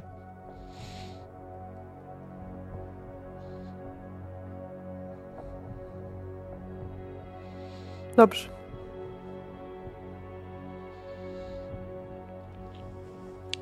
Dziewczyna spogląda na Ramonę i na Enzo. Przez dłuższą chwilę panuje cisza. Kompletna. Na niebie dominują już barwy granatu przechodzącego w czerń. Słońce zaszło. Gdzieś tam daleko na zachodzie jeszcze jest mała poświata łuna słońca. Kiedy tak siedzicie przez dłuższą chwilę, Ramona w końcu się odzywa. Rita. Rita, przepraszam. Dobrze. Z bólem serca, ale zrobię to. Pojadę do nich. I w tym momencie, jakby na te słowa kamień spadł z serca, z serca Ramony. Dzięki Bogu. Za, za obrazem. No i wskazuje obraz, jakieś słoneczniki. Jest, jest skrzynka, weź, weź pieniądze na wyjazd. Proszę cię. Ona się podnosi. To wygląda trochę tak, jakby była, jakby była obrażona. Prawdopodobnie nie jest, ale ona nie jest kobietą dumną. Ale wiesz, Ramona, znając waszą wspólną historię, że ona będzie potrzebowała jeszcze długiej, długiej chwili, żeby to przetrawić i przejść z tym do porządku dziennego. O ile w ogóle jej się to uda, o ile w ogóle przejdzie. Ta, ta scena kończy się w ciszy, bo ona zabiera te, te pieniądze. Podchodzi jeszcze do ciebie, ale żeby nie przytulać cię, żeby ci nie zrobić krzywdy, całuje cię po prostu w policzek. Widzisz, że jej także łza cieknie po, po policzku. Jedna za drugą, ale zanim widzisz już ten potok łez, to ona odwraca głowę, a następnie po prostu wychodzi z twojego mieszkania. Nie mówiąc nic, chociaż wiesz, że gdyby mogła, gdyby głos nie wiązł jej w gardle, to po prostu by podziękowała. Po prostu wyszła. Wiem. Wiem. Yy, wiem to jakby. To jest moja siostra. Rozumiemy się bez słów. Może nie jesteśmy. Nie mamy tej, tej, tej samej krwi, nie jesteśmy z tej samej krwi, ale. Ale po prostu jesteśmy, jesteśmy siostrami i, i to się nigdy nie zmieni. Drżącym głosem mówię ci, Enzo, co spakować, co, co, co nie. Ja się też oporządzam. Yy, pomagacze zaczynają działać, ja się pobudzam. Szykuję, szykuję się z tobą do wyjścia i, i zamykając drzwi, zerkam tylko ostatni raz na drzwi Rity.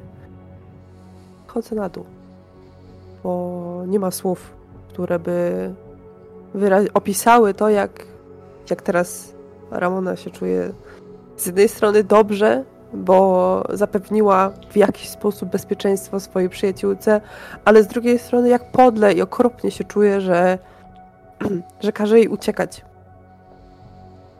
Wyjechać tak po prostu i zamartwiać się. Nie dając jej pewności, że, że, jeszcze, kiedy, że jeszcze kiedyś się spotkają być może to, to jest ten ostatni raz. Wychodzicie w ciszy przed budynek.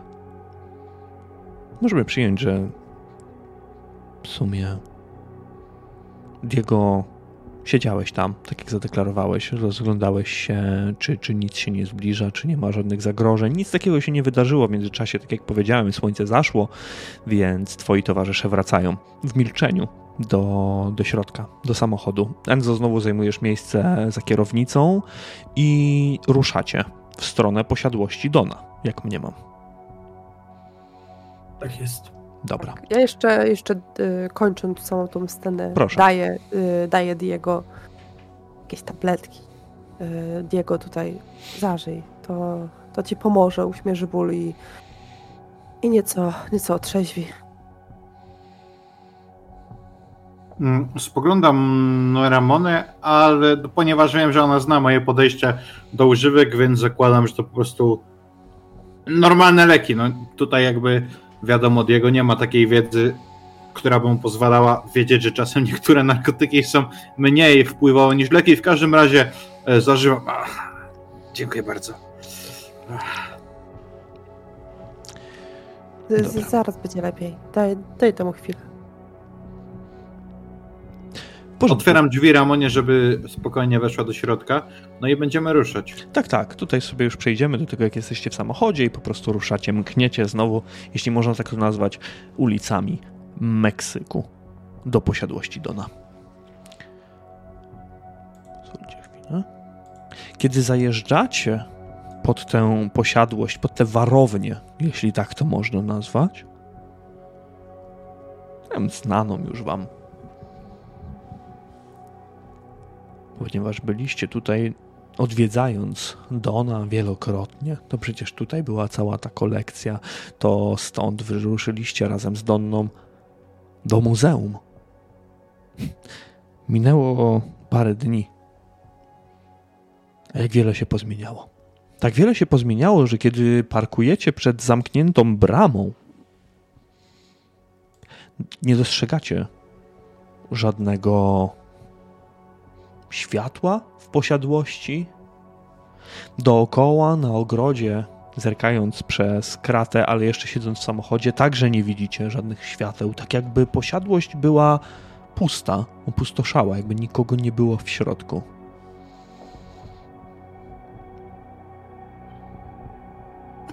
Czy tam na tym parkingu, czy- czy tam jakimś miejscu, gdzie parkujemy, stoją jakieś inne pojazdy? Nie. Co? Jesteśmy dopiero pod y, główną bramą właśnie. Ale Nie tu nikogo nie ma. No właśnie. Nie wiem, czy to jest normalna procedura. Ja już trochę mnie bolałem wciąż.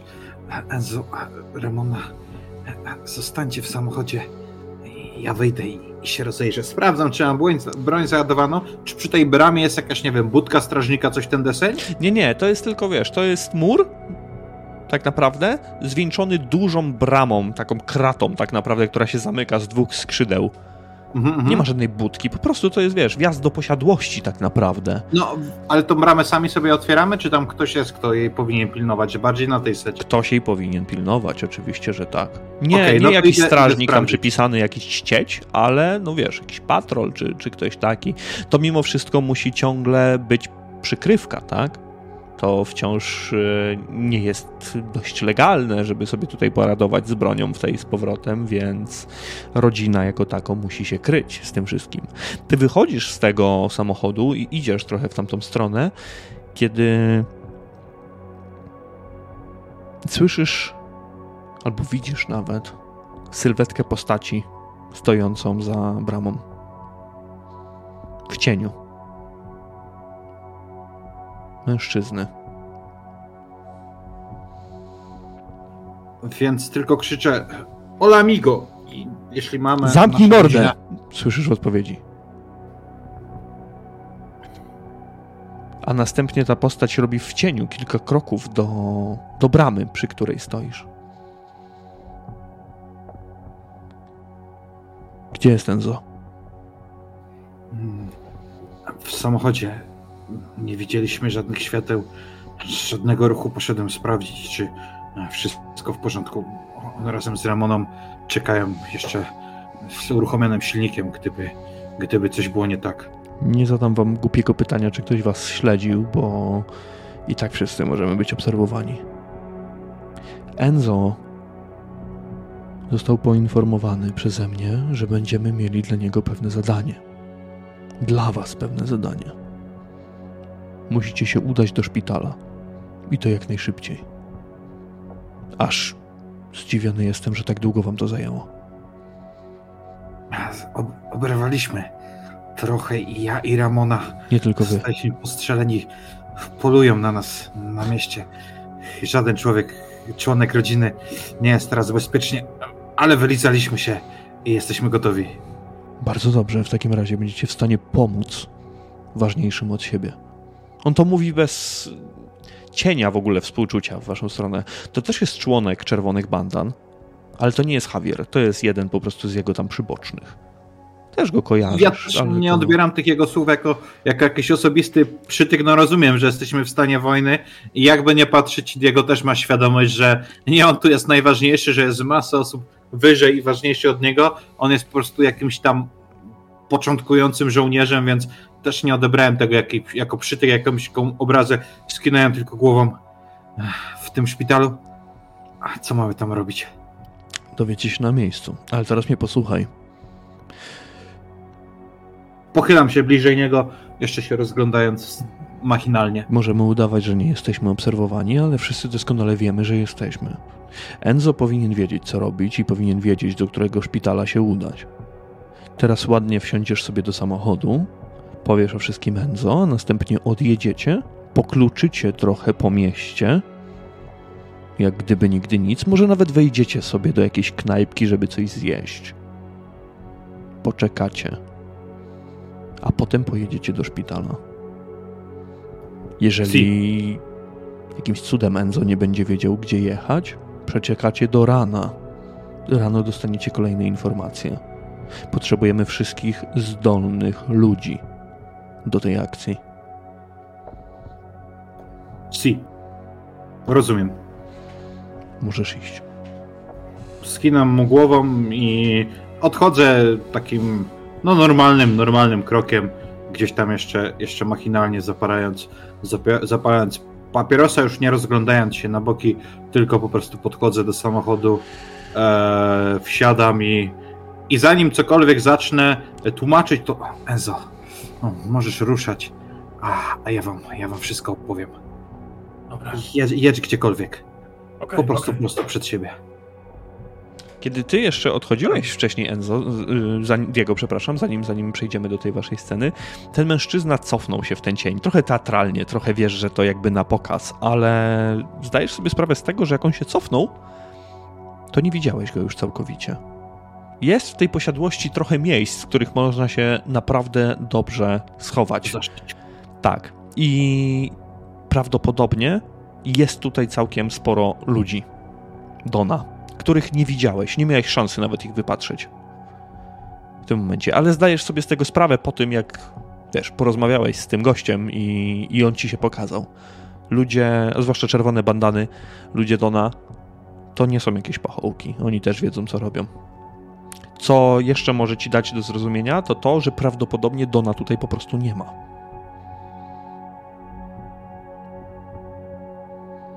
I przejdziemy sobie do was, do tego samochodu, kiedy on rusza. Enzo, jedziesz przed siebie, no Diego przekazał wam taką wiadomość dość enigmatyczną, bo najpierw poszedł się rozejrzeć, porozmawiał chyba przy bramie z kimś i teraz wrócił, a wy ruszacie dalej. Ale znając na tyle Diego, wiem, że no, to na pewno jest jakaś, jakaś, że tak powiem, zaplanowana akcja, więc ruszam po prostu przed siebie ulicami spokojnie i dopiero wtedy... Co się stało, Diego? Coś z Donem? O, o Donie Enzo nic nie wiem. Jeszcze tylko rzucam okiem e, na Ramonę, jak ona się miewa i, i mówię dalej. A, a przy bramie, ukryty w cieniu, był jeden z czerwonych bandan. Powiedział, że e, wiedziałeś, że będzie nas czekało na jakieś zadanie. Mamy jechać do szpitala. Podobno wiesz, którego, ale nie od razu. Musimy trochę pokluczyć. Wszyscy jesteśmy obserwowani z tego, co mi powiedział. Może gdzieś się zatrzymać, coś zjeść, jakieś szybkie zakupy zrobić, pojeździć po mieście, żeby upewnić się, że, że nas nikt nie śledzi, a potem, potem do szpitala. A, a gdybyś nie wiedział, o jaki szpital chodzi, bo i to przewidział? Mamy zaszyć się i, i zaczekać do rana na dalsze informacje. To musiał być Enrique, faktycznie. Mówił mi o zadaniu, ale nie mówił co miało się. Co no obejmuje szpital. Próbuję sobie przypomnieć. Mi też dokładnie nie powiedział, co będzie naszym zadaniem. Powiedział tylko, że wszystkie odwiemy się na miejscu. Nie wiem, czy to nie był chyba ten główny szpital w Meksyku. Yy, kurczę, nie pamiętam teraz tak naprawdę. Czy on mówił mi, w którym szpitalu leży Donna? Ym, Akcja na pewno wyglądała tak. To było, to, to na pewno przekazywałem. No jeśli nie, to, to teraz to przypomnę w ramach jakiejś retrospekcji, która, która na pewno miała miejsce, że mm, zamachowcy doskonale wiedzieli, gdzie należy uderzyć, w którym miejscu. Właśnie o to chodziło, żeby Donnę przeniesiono do, do szpitala, tak? Żeby nie mogli ludzie do nas zareagować. I to jest, y, to jest właśnie ten jeden z głównych, y, głównych szpitali y, miasta Meksyk. Zaraz jeszcze, jeszcze tylko muszę coś znaleźć i przekażę. Ty wiesz, Enzo, gdzie to jest? No właśnie. Tylko pozwól mi jeszcze jedną rzecz Mhm. zobaczyć. To jest ten pewnie szpital. Eduardo. Nazwy teraz nie musimy sprawdzać, bo ja też nie wiem, kiedy te, te szpitale powstały same w sobie, jaka jest, jaka jest ich data powstania. Aż tak bardzo nie, nie wchodziłem w e, szczegóły. Ten główny powstał 5 lutego w 1905 roku. No to pasuje. General Hospital w Mexico. Największy, główny Dobra. szpital po prostu. Dobra, bo mo- możemy, możemy przyjąć, że to jest ten szpital, bo ja pamiętam, że gdzieś też ci podawałem, w którym miejscu ona dokładnie była postrzelona, ale teraz tego nie mogę znaleźć w notatkach, więc to jest już dla mnie. W plecy. minus. Nie gdzie, w którym miejscu w Meksyku? Aha. to nie pamiętam. Ale tak jak najbardziej to było na widoku. Nie pamiętam, czy to nie było czasem w okolicach tego parku największego. Tak, było coś z parkiem. No. No właśnie. Tak, niedaleko tego miejsca, gdzie się rozstaliśmy. Tak, tak, tak, tak, tak. No to na pewno. Na pewno były to oko- okolice parku Kapultepec. Największego i najstarszego parku w Ameryce Łacińskiej. Taka Dobra. ciekawostka, park zajmuje praktycznie 700 hektarów, więc jest ogromny. Fajnie. No, Dobra, przechodzimy sobie do Was z powrotem. No dobra, słuchajcie, to co? Podjedziemy gdzieś dla zmylenia ewentualnych tropów. Ja staram się dyskretnie patrzeć, czy ktoś nas nie śledzi. Nie pamiętam, czy wtedy były lusterkach. Chyba nie, chociaż może były już. No w każdym To razie jest szczegół, tak- to jest szczegół, czy patrzysz w lusterko, czy wiesz, czy się oglądasz, nie? Bo to tak nie pędzicie w sumie. No nie, zawrotna prędkość tam, nie wiem, 30. No, to jest 37 rocznik mimo wszystko. A, też może trochę i 40 tam rozwijałem. eee, może wstąpimy coś, weźmiemy na wynos, żeby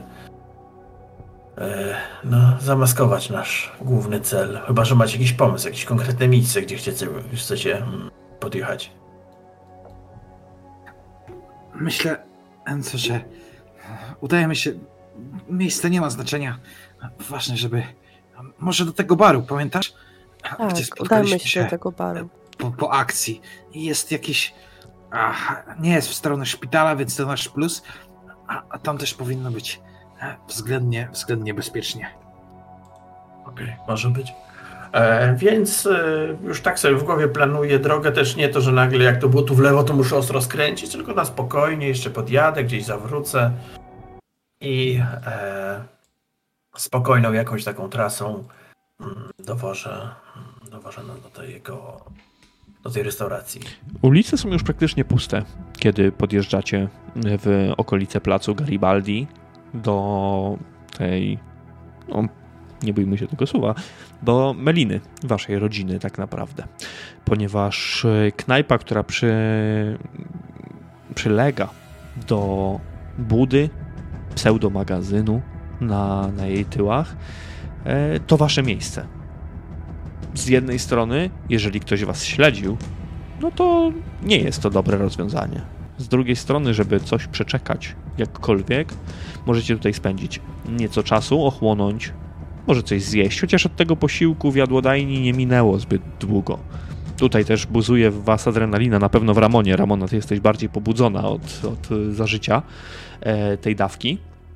E, środki przeciwbólowe Diego zaczęły działać na pewno, więc też już teraz nie musisz aż tak utyskiwać na, na ten ból. Mm, będzie, będzie zdecydowanie lepiej.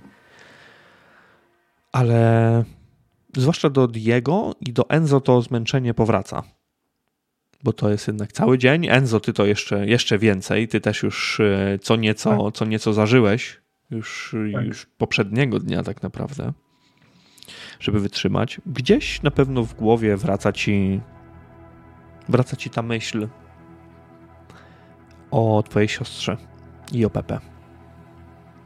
Bo ten telefon ich wyjazd na południe do Kolimy to takie być albo nie być, bo w sumie nie wiadomo teraz.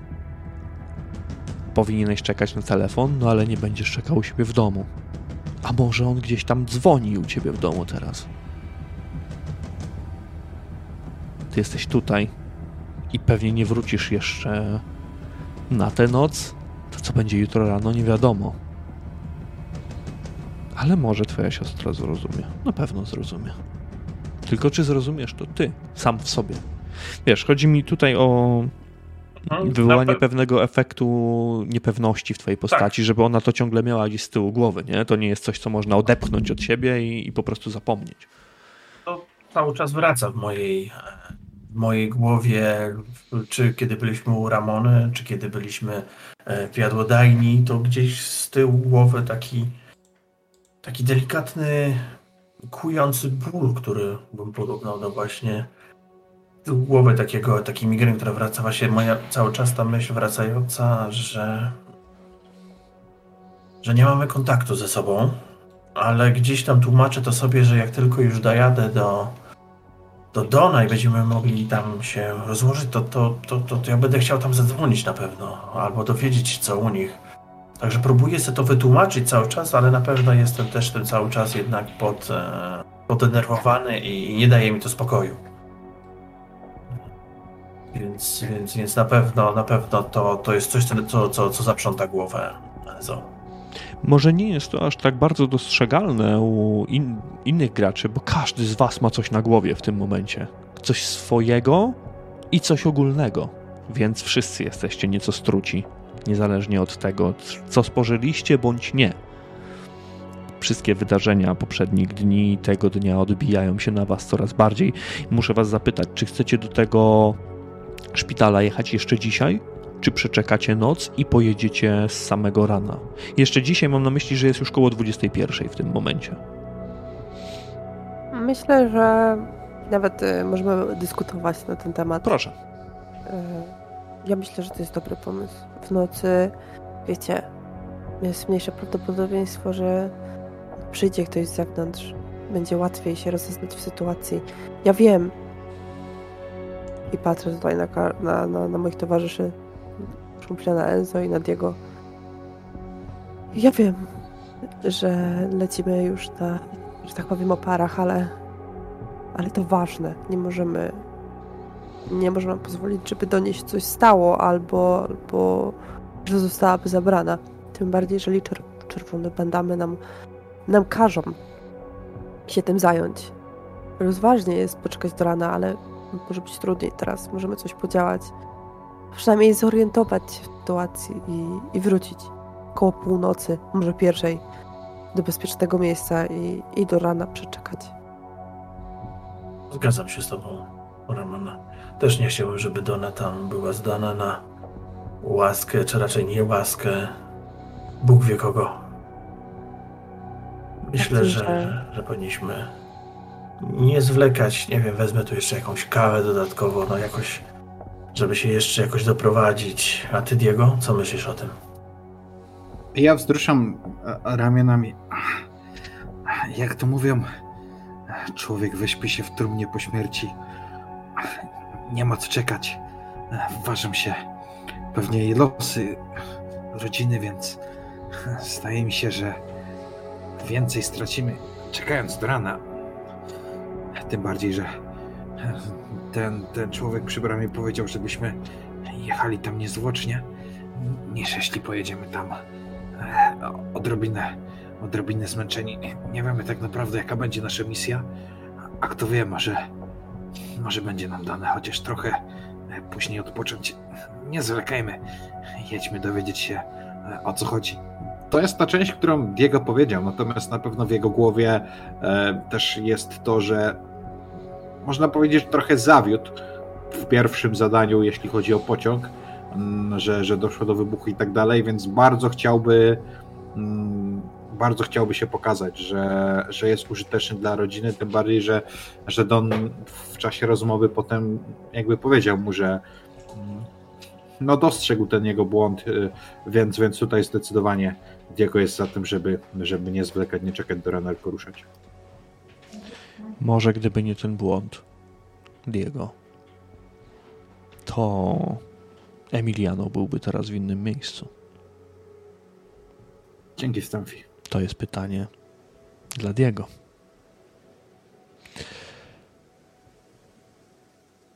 Ruszycie w końcu w stronę szpitala. Posłuchajcie.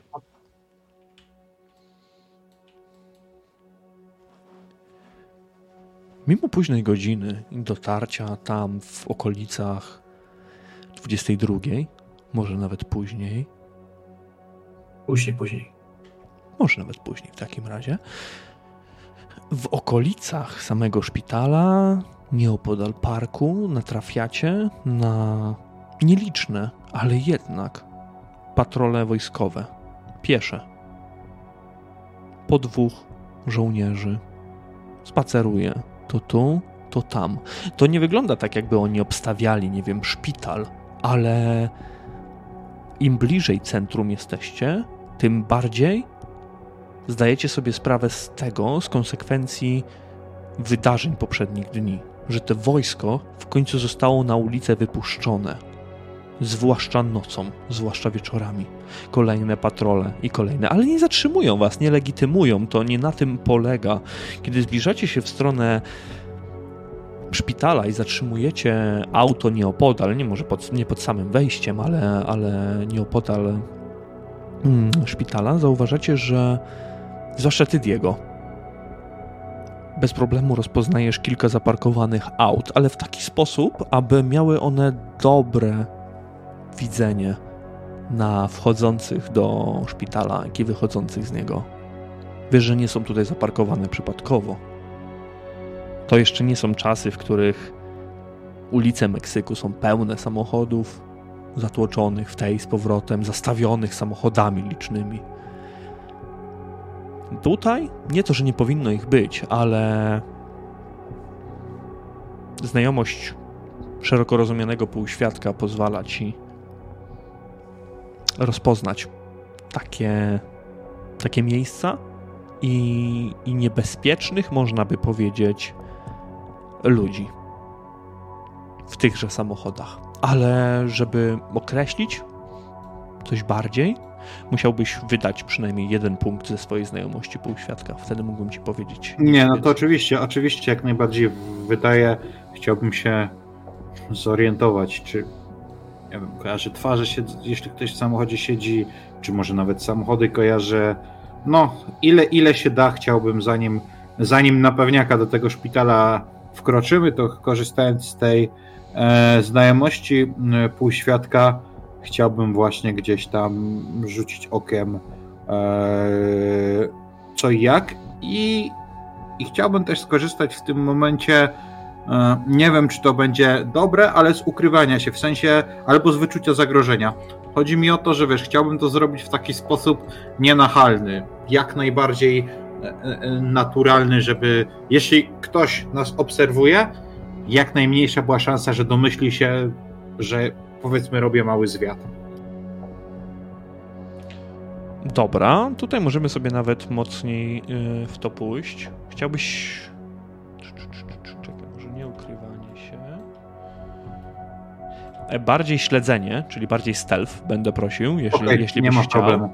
Tak, tak, tak. E, dobra, i tutaj sobie zaznaczymy, że to jest poziom trudności także 4, on będzie dość wysoki. tym aspekcie, ponieważ no, jesteście jedynymi osobami, które będą tutaj wchodzić czy wychodzić. Więc. Okej, to ja bym spalił punkt. Dobra, czyli będziesz miał plus jeden do wyniku. Właśnie, bo jeżeli on jest z tym, e, to jest mój, że tak powiem, z, z profesji, to wtedy jest A, dwa? to jest twoja z profesji, rozumiem, tak? Tak, Dobra. śledzenie mam z profesji. Dobra, poczekaj, bo ja sobie zepsułem coś teraz. Przybliżyłem sobie za bardzo, a nie chciałem tego aż tak przybliżać. Patrzę na tym. Technical issue, tak zwany. Dobra, jest chyba w porządku. Jeżeli to jest twój z profesji, to nie będziemy sobie, sobie rzucać na twoje śledzenie w takim razie. Mhm. Tylko tak, możesz wydać punkt. Wydaj punkcik i będzie, będzie w porządku. E, Wydałem punkt, skreśliłem. poprawiłem. Dobra. E, A wyczucie zagrożenia masz także z profesji, czy masz zwykłe? E, Też jest z profesji. Dobra, no to tutaj nie musisz, nie musisz wydawać punktu na wyczucie zagrożenia. Ja ci powiem mniej więcej o co chodzi, e, jak to będzie wyglądać, ale ta znajomość półświadka na pewno jeszcze jeden punkcik będę prosił, jeżeli chcesz. E, oczywiście, już, już wykreślam. Dobra, bardzo dużo tego poszło. E, Notabene moja znajomość półświadka to też jest z profesji. Tak, tak, właśnie, właśnie o tym mówię, ale ze znajomości półświadka na pewno jest punkt, wyczucie zagrożenia nie ma punktu. Wiesz, że jesteście bezpieczni tutaj. Mimo wszystko na tych schodach e, prowadzących do szpitala nikt was nie zaatakuje. To byłoby to byłaby głupota, patrząc na to, że dopiero co minęliście patrol wojskowy. Możecie czuć się niczym w azylu w tym szpitalu nawet jeżeli ci ludzie i spoglądasz nieco, nieco bardziej, wy... robisz to ukradkiem.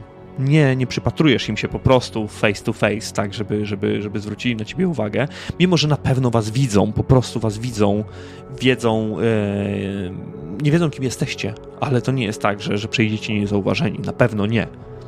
Mimo wszystko będą, mm, będą mniejsze reperkusje z tego powodu.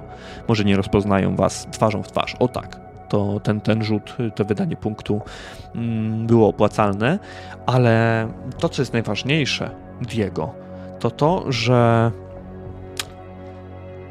w tych samochodach zauważasz różne postaci, tak jakby z różnych światów. Niedosłownie. Są tam próbujący się kryć, maskować typowi bandyci. Czy to należący do Salinas, czy do Aguirre, nie wiesz tego, ale wiesz, że to są ludzie podobni tobie, typowi żołnierze. Są tam ludzie, którzy tutaj nie pasują, bo ubrani nieco na modłę amerykańską, pod krawatem, w garniturze i jeszcze w fedorach, siedzą sobie w tym, w jednym samochodów, jak gdyby nigdy nic i lustrują okolice, tu i tam. Jest też patrol wojskowy, nie policji, tylko wojska, który nieco bardziej oddalony, nie w ciężarówce, ale właśnie w samochodzie zwykłym, cywilnym, także przygląda się całej sytuacji. Nie ma tutaj policji, milicji, bardziej jest tutaj wojsko. Kiedy wchodzicie po tych stopniach, nie ma czasu na to, żeby wymienić się tymi informacjami, ale drzwi do szpitala są otwarte, możecie wejść do środka zatrzymacie się przy recepcji. Kiedy wchodzicie do środka, czujecie już ten klasyczny zapach szpitala, jasne światło, które nie migocze, ale oświetla cały korytarz i recepcja. A przy tej recepcji widzicie odzianego w szaty, w szaty, w mundur wojskowy mężczyznę, który na twarzy ma czerwoną bandanę. I teraz możecie przejść już do, do, waszej, do waszych postaci. Bo to dosyć, dosyć długi wstęp do szpitala w moim wykonaniu.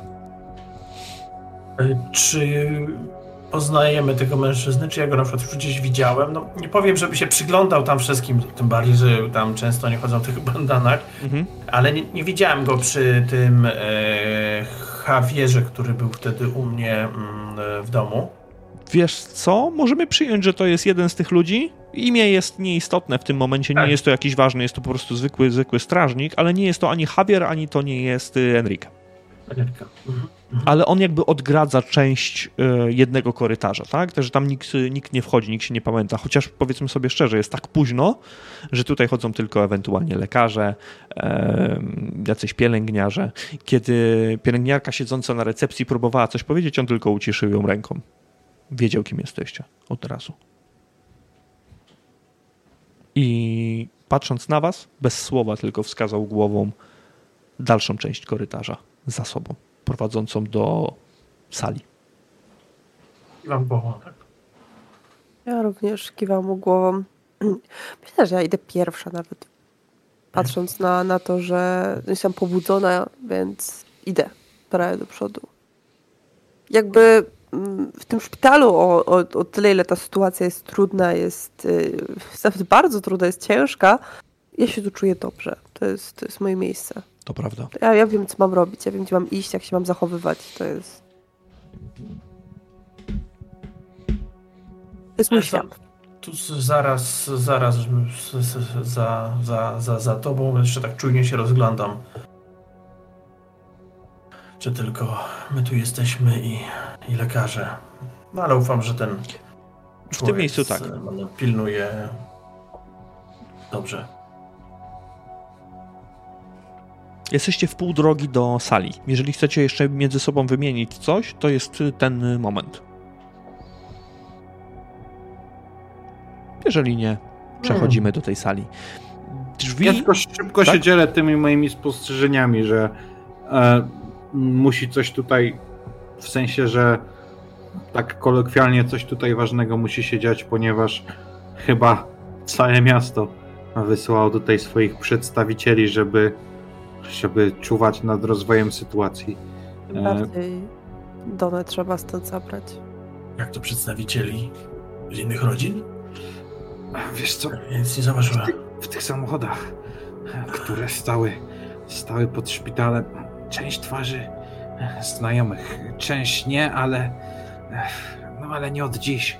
Działam w biznesie i, i potrafię rozpoznać ludzi z różnych dzielnic, z różnych miejsc, a być może i z różnych ro, rodzin, więc e, wygląda na to, że, że całe miasto się tu zebrało, żeby, żeby czekać na rozwój wypadków. Myślę, że to tylko dodaje nam tutaj bezpieczeństwa, bo, bo jeden drugiego będzie pilnował, żeby, żeby czegoś głupiego nie zrobił. A i, i wojska jest tu. Jest tu niemało. Co prawda w cywilnych pojazdach, a ale wojskowych nie trudno rozpoznać, więc, więc ten szpital to eh, kto wie, czy w tym momencie nie jest najlepiej obserwowane miejsce w tym mieście. No, madre. No niedobrze. Bardzo Może... niedobrze. Może jakimś...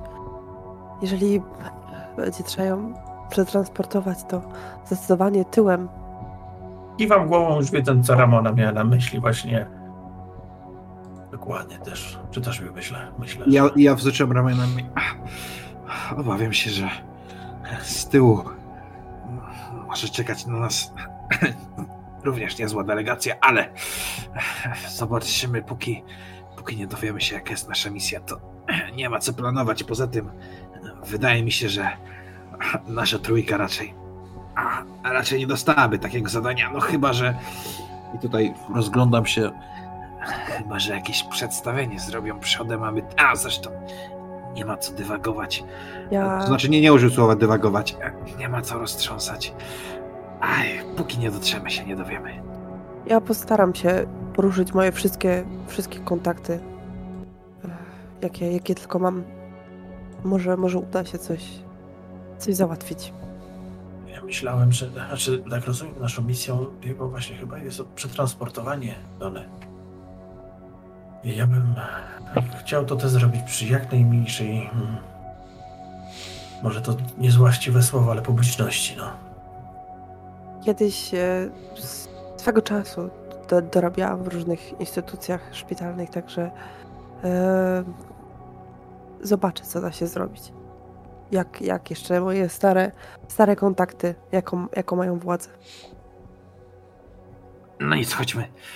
Nie każmy im na nas czekać. Chodźmy zobaczyć, jak się Dona, Dona czuje przede wszystkim. Wchodzicie do środka, do dużej sali, która mogłaby pomieścić kilkudziesięciu pacjentów. W tym momencie jednak widzicie tylko jedną dużą kotarę, która oddziela jedną część sali od drugiej. Prawdopodobnie możecie się jedynie domyślać, że za tą kotarą jest miejsce dla Donny, które ona zajmuje. Was jednak wita widok kilkunastu osób stojących, siedzących w tej pierwszej części. Jest tu kilka kobiet, trzy dokładnie kobiety, ubrane tak samo. Ubrane tak, jak ubrana była Donna, kiedy szliście z nią do muzeum. Widzicie tutaj kilku członków czerwonych bandan, którzy bandan tych nie mają, są ubrani bardziej po cywilnemu, tak jak niezwykliście ich oglądać. Ale najważniejszą osobą, którą tutaj widzicie, jest Javier, który dyrygował nimi tej z powrotem, ale kiedy zobaczył was, przerwał w połowie zdania i zaprosił was gestem ręki, abyście niczym żołnierze ustawili się razem z tamtymi osobami. Miło was widzieć. Rzucił jedynie. Widziałem go. Cieszę się, że mamy jeszcze was. Nie wiedzieliśmy, czy czekać do rana, ale skoro tu jesteście, niech noc będzie naszą zasłoną. Ramona, on mówi do ciebie. Tak. Odwraca się, łapie jakiś kilka ubrań z krzesła, podchodzi do ciebie. Są to tożsame ubrania. Wejdź za kotarę przebierz się. Dobrze. Ja bez słowa dalszego biorę te ubrania i idę się, idę się przebrać. Nie. Jeszcze się Javier, że widzę, że czuwasz nad wszystkim. Oczywiście, że tak. Robię to z polecenia Dona. Mam nadzieję, że domyślacie się już, co musimy zrobić. Mniej wprawne oczy mogły nie dostrzec tych kilku ogonów, które mamy na zewnątrz i które na nas będą czekać. W szpitalu nie zaatakują, ale poza szpitalem sam najjaśniejszy w niebiosach wie. Potrzebujemy więc kilku ekip. Kilku drużyn, które odciągną uwagę naszych ciekawskich towarzyszy. I tak się składa, że każdy z Was, i on pokazuje na każdą z kobiet, będzie jedną z tychże przynęt.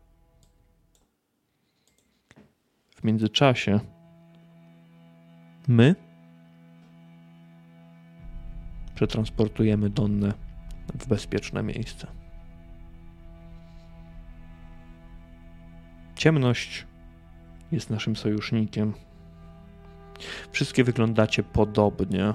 Macie posturę podobną do Donny, więc jeżeli postaramy się zrobić to w odpowiedni sposób, co głupsi z nich powinni łyknąć haczyk. Poza tym, z własnej hm, chęci zapobiegania problemom, ktoś z nich na pewno ruszy za wami. Za każdą grupą. Nie ukrywamy, będzie ciężko. Wszystkim. Dlatego macie ze sobą broń. Mam nadzieję, że macie ze sobą broń. On tylko czeka, czy ktoś kiwnie głową, czy nie. Ja kiwam. Mhm. Ja również. I wtedy przejdziecie do działania. Jest kilka planów, kilka dróg ucieczki. Możemy. A Nawet musimy się podzielić. Kilka grup, kilka grup, dwie grupy wyruszą poza miasto. Wiąże się to z y, dużym ryzykiem, że nasze ogony odpuszczą, ale jednocześnie będzie można się pozbyć swoich celów bez większego problemu i angażowania w to wojska. Oczywiście grupa, którą będą śledzili wojacy, nie rusza poza miasto. Nie chcemy żadnych strzelanin z wojskowymi. Druga grupa rusza na obrzeża. I tam próbuje pozbyć się tego ogona. Wszystkie drużyny powinny ostatecznie spotkać się w jednej z e, willi Dona na obrzeżach miasta, w dzielnicy Kojot. W tymczasowej willi, nie w e, głównym punkcie. Pamiętajcie, żeby nie skompromitować miejsca tak ważnego. Nie możemy także ruszyć do głównej siedziby rodziny. Sami wiecie dlaczego. My z Donną, ale wy, jeżeli chcielibyście wciągnąć w pułapkę przeciwników, to także jest jakieś rozwiązanie. Mamy tam odpowiednią ilość ludzi, aby pozbyć się celi. Musicie jednak pamiętać, że strzelanina w środku miasta to będzie kocioł. Więc należy uważać na to, gdzie pojedziecie, jaką akcję zdecydujecie się wykonać.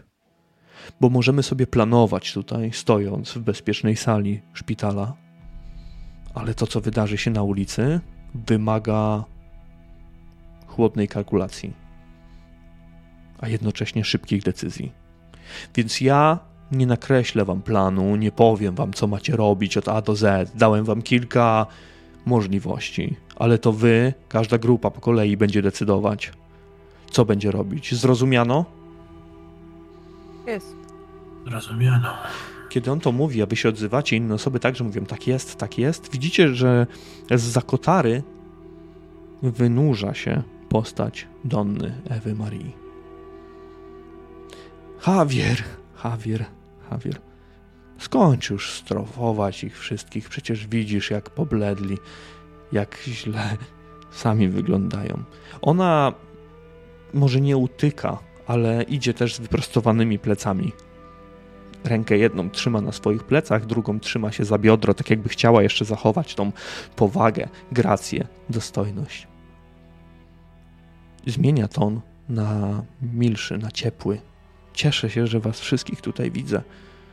Jakże oddanych, jakże walecznych. Gdyby to ode mnie zależało, nie chciałabym, żebyście poświęcali się w moim imieniu, ale sami wiecie, jaki jest Salvador.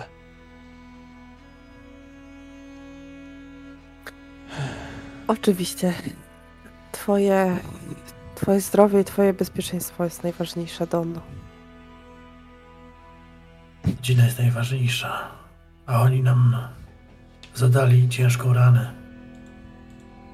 Myślę, że każdy tutaj stawiłby się, żeby, żeby pomóc, żeby wypełnić swoje zadanie. Na szczęście wszyscy żyjemy. Enzo. Wydaje mi się, Ramono, że będziemy musiały nasze romantyczne rozmówki przełożyć na kiedy indziej. Tak. Mamy, e, mam nadzieję, że w lepszych, lepszych czasach, w lepszej chwili. To zabawne, bo jeszcze chwilę temu chodziliśmy sobie po muzeum i opowiadałam wam wszystkie historie. A teraz, teraz jesteśmy w szpitalu i nie możemy, przepraszam, ja nie mogę poruszać się po swoim własnym mieście. Mam nadzieję, że to się wkrótce skończy. Dopilnujemy, by tak właśnie, tak właśnie było. Cieszę się. Ja uśmiecham się, jakby krzepiąco. Tak, y, by ją uspokoić w jakiś sposób. Dodać otuchy. Tak jak tylko ja potrafię. Dobra. Nie musisz dodawać żadnego punktu. Ale to anielskie spojrzenie Ramony spotyka się z uśmiechem Ewy Marii. Ona, ona wie. Ona jest. Ty to widzisz, ona jest podobną duszą do ciebie, tak naprawdę. Ewa Maria też emanuje spokojem, mimo że została postrzelona. Można by powiedzieć dopiero co. Nikt inny się nie odzywa, nawet Javier jest cicho w momencie, kiedy rozmawiacie. Te lekkie echo pomieszczenia jeszcze bardziej dodaje tej akustyki. Każde słowo wypowiedziane przez Was roznosi się nieco tutaj.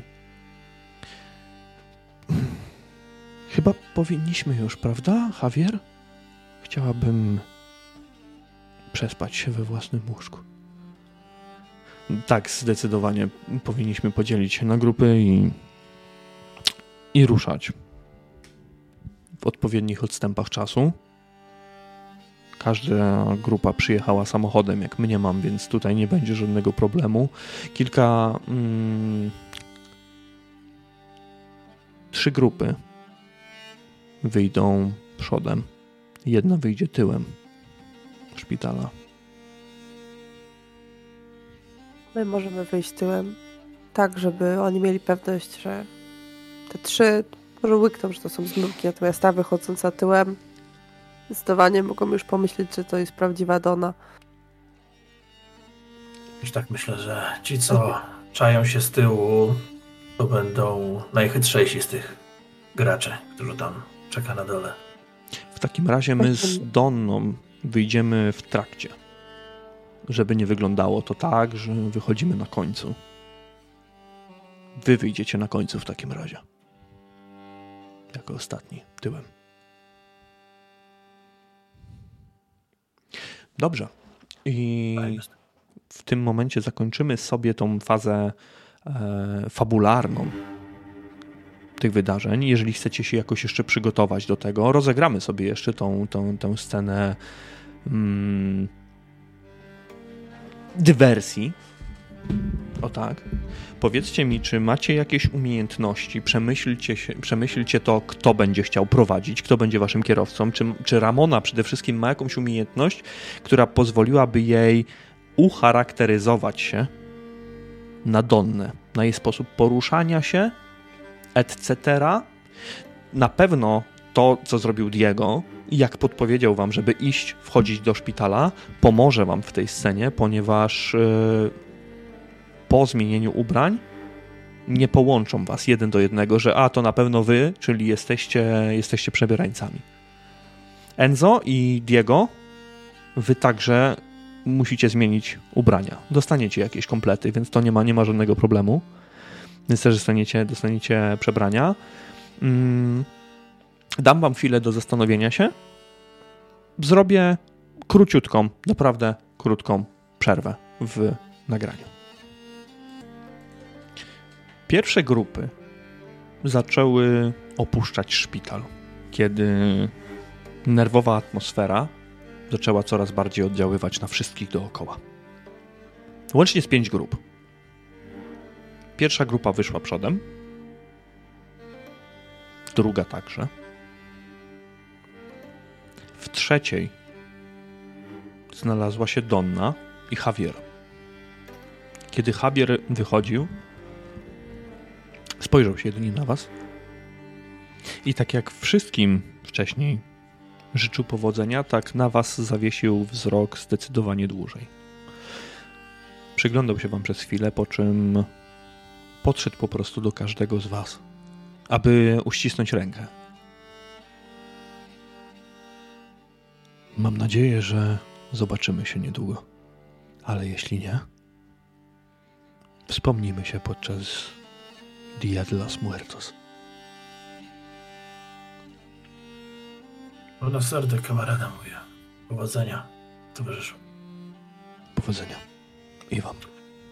Diego tylko uścisnął rękę Javiera, nic nie odpowiadając, ale widać na jego twarzy, że jest maksymalnie skupiony i, i taki zawzięty. Diego po prostu podjął szczerą, szczere postanowienie, że zrobił wszystko, żeby, żeby tą sprawę wykonać jak najlepiej, tą misję. Zawalił sprawę z pociągiem, e, nie udało mu się, przynajmniej na ten moment, pomóc Emiliano. Co też bardzo go boli i coraz bardziej do niego dociera, ale wiadomo, rodzina jest najważniejsza, więc jakieś osobiste rzeczy trzeba póki co odsunąć na bok. Więc w ciągu tych ostatnich dni tyle rzeczy poszło nie po jego myśli, tyle złego się stało, że, że Diego podjął postanowienie, że zrobi wszystko, dosłownie wszystko, żeby to, co teraz zostało podjęte, to jakie zadanie dostali, żeby to zadanie wykonać.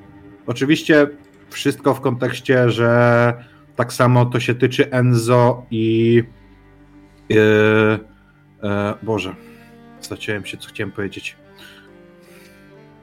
Chodzi mi o to, że mhm. nie będę na pewno narażał swoich towarzyszy, że szybciej ja poświęcę się, e, żeby czy Enzo, czy Ramona w razie czego mogli wyjść z tego cało, wiesz, to po prostu Diego wchodzi w tą misję całym sobą, że co by się nie działo, on poświęci się, jeśli będzie trzeba, dla, rodziny, dla swoich przyjaciół i nawet jeśli to będzie pośmiertne, to, to zdobędzie to uznanie i odpokutuje pewnie bardziej w jego głowę niż faktyczne zawalenie chociażby sprawy z pociągiem. No bardzo sobie wkręcił, e, wkręcił to, to uznanie od Dona i, i jakby tą małą reprymendę, więc no tutaj Diego skupiony maksymalnie, zawzięty, gotowy.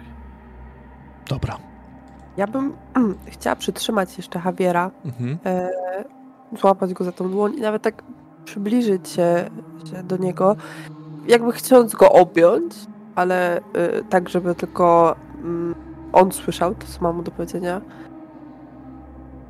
Wiem, że to, to nie wypada, ale, ale jeśli coś mi się stanie, to proszę powiedz Rafaelowi, że że tak, wiem. Dobrze. Mężczyzna wyciąga z kieszeni swoją bandanę czerwoną, którą miał zwiniętą. I jakimś dziwnym akcie w tym momencie uznał, że stosownym będzie wciśnięcie jej tobie w dłonie. Ramona. Kiedy się odwraca, żeby odejść już przez te drzwi, bo wie, że są spóźnieni, Mówi jedynie: Wydaje mi się, że on ciebie też. Następnie znika za drzwiami. Jeszcze jedna grupa. Zostajecie tylko wy. Gotowi do wyjścia.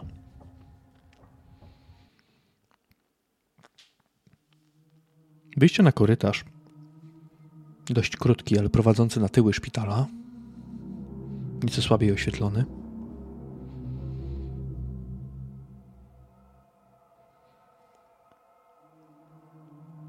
Wychodzicie z tyłu, ale i tak musicie obejść szpital, żeby dostać się do waszego samochodu. On nie jest tam zaparkowany, nikt go nie przeparkował. Jednakże samo wyjście tyłem już może wzbudzić czyjeś podejrzenia. droga prowadząca do samochodu jest jednak dłuższa. Bo to, że mieliście taki pomysł, że wyjdziecie tyłem, to jedno. No ale tak jak powiedziałem, samochód to drugie. Więc tutaj istotne jest, abyś ty, Ramona, podjęła decyzję, co robisz w takiej sytuacji? Jak się w ogóle próbujecie zachować? Czy chcecie skorzystać z jakiejś umiejętności? Teraz chciałbym, abyście zaczęli wprowadzać swój plan w życie, po prostu. Ja bym się chciała ucharakteryzować możliwie tak jak, tak jak mogę mhm. E, w tej sytuacji, więc e, no będę chciała rzucić sobie na tą charakteryzację. Dobra, to w takim razie jest rzut na charakteryzację, jak ci się udało wcześniej, jeszcze w, w szpitalu oczywiście, a teraz jak to odegrasz również. Więc y, poziom trudności tego testu to jest 3.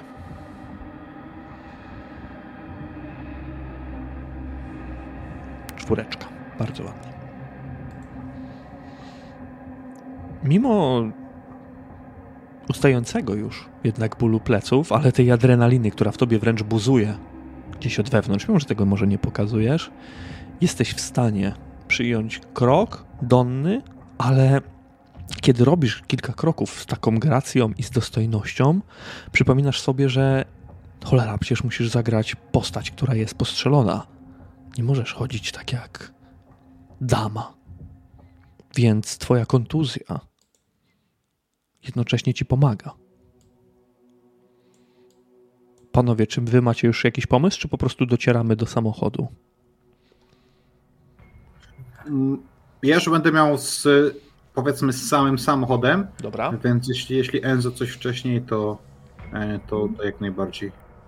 Enzo na pewno jest e, strasznie zdenerwowany, tak, no, to nie jest akcja, w których on zazwyczaj bierze mm, udział, ale stara się jak najbardziej utrzymać profesjonalizm.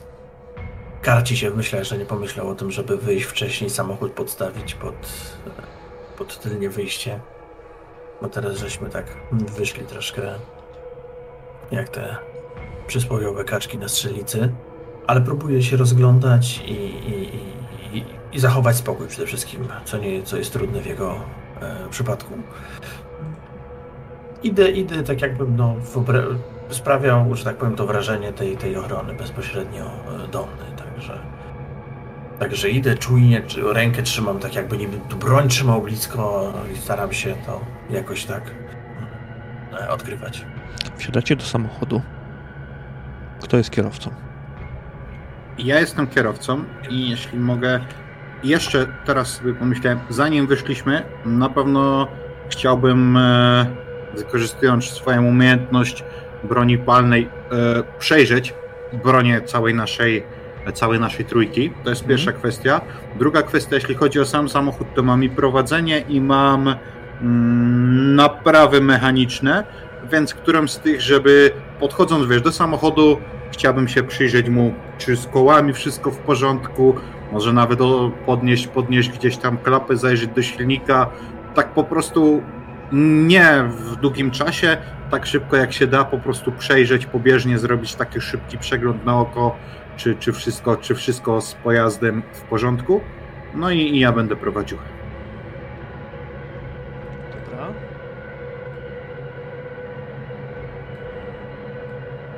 Jeżeli Okej. nic nie uszkodzili Diego, to samo z tego garażu u mnie głównie. Sytuacja sama w sobie jest dość dziwna w tym momencie, kiedy przed szpitalem Diego będzie sprawdzał samochód. Ale wasza broń na pewno nie jest. yy,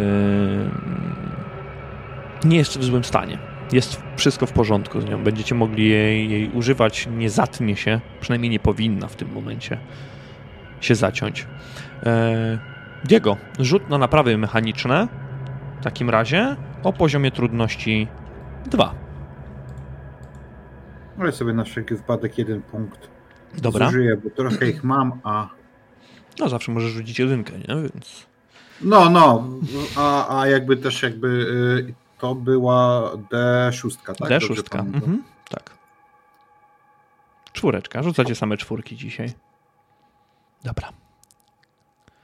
E, pobieżnie, patrząc na szybko, bo też nie możesz tak naprawdę poświęcić na to nie wiadomo ile czasu. No tak, E, oczywiście. Szybko, szybko zerkasz, też poddenerwowany.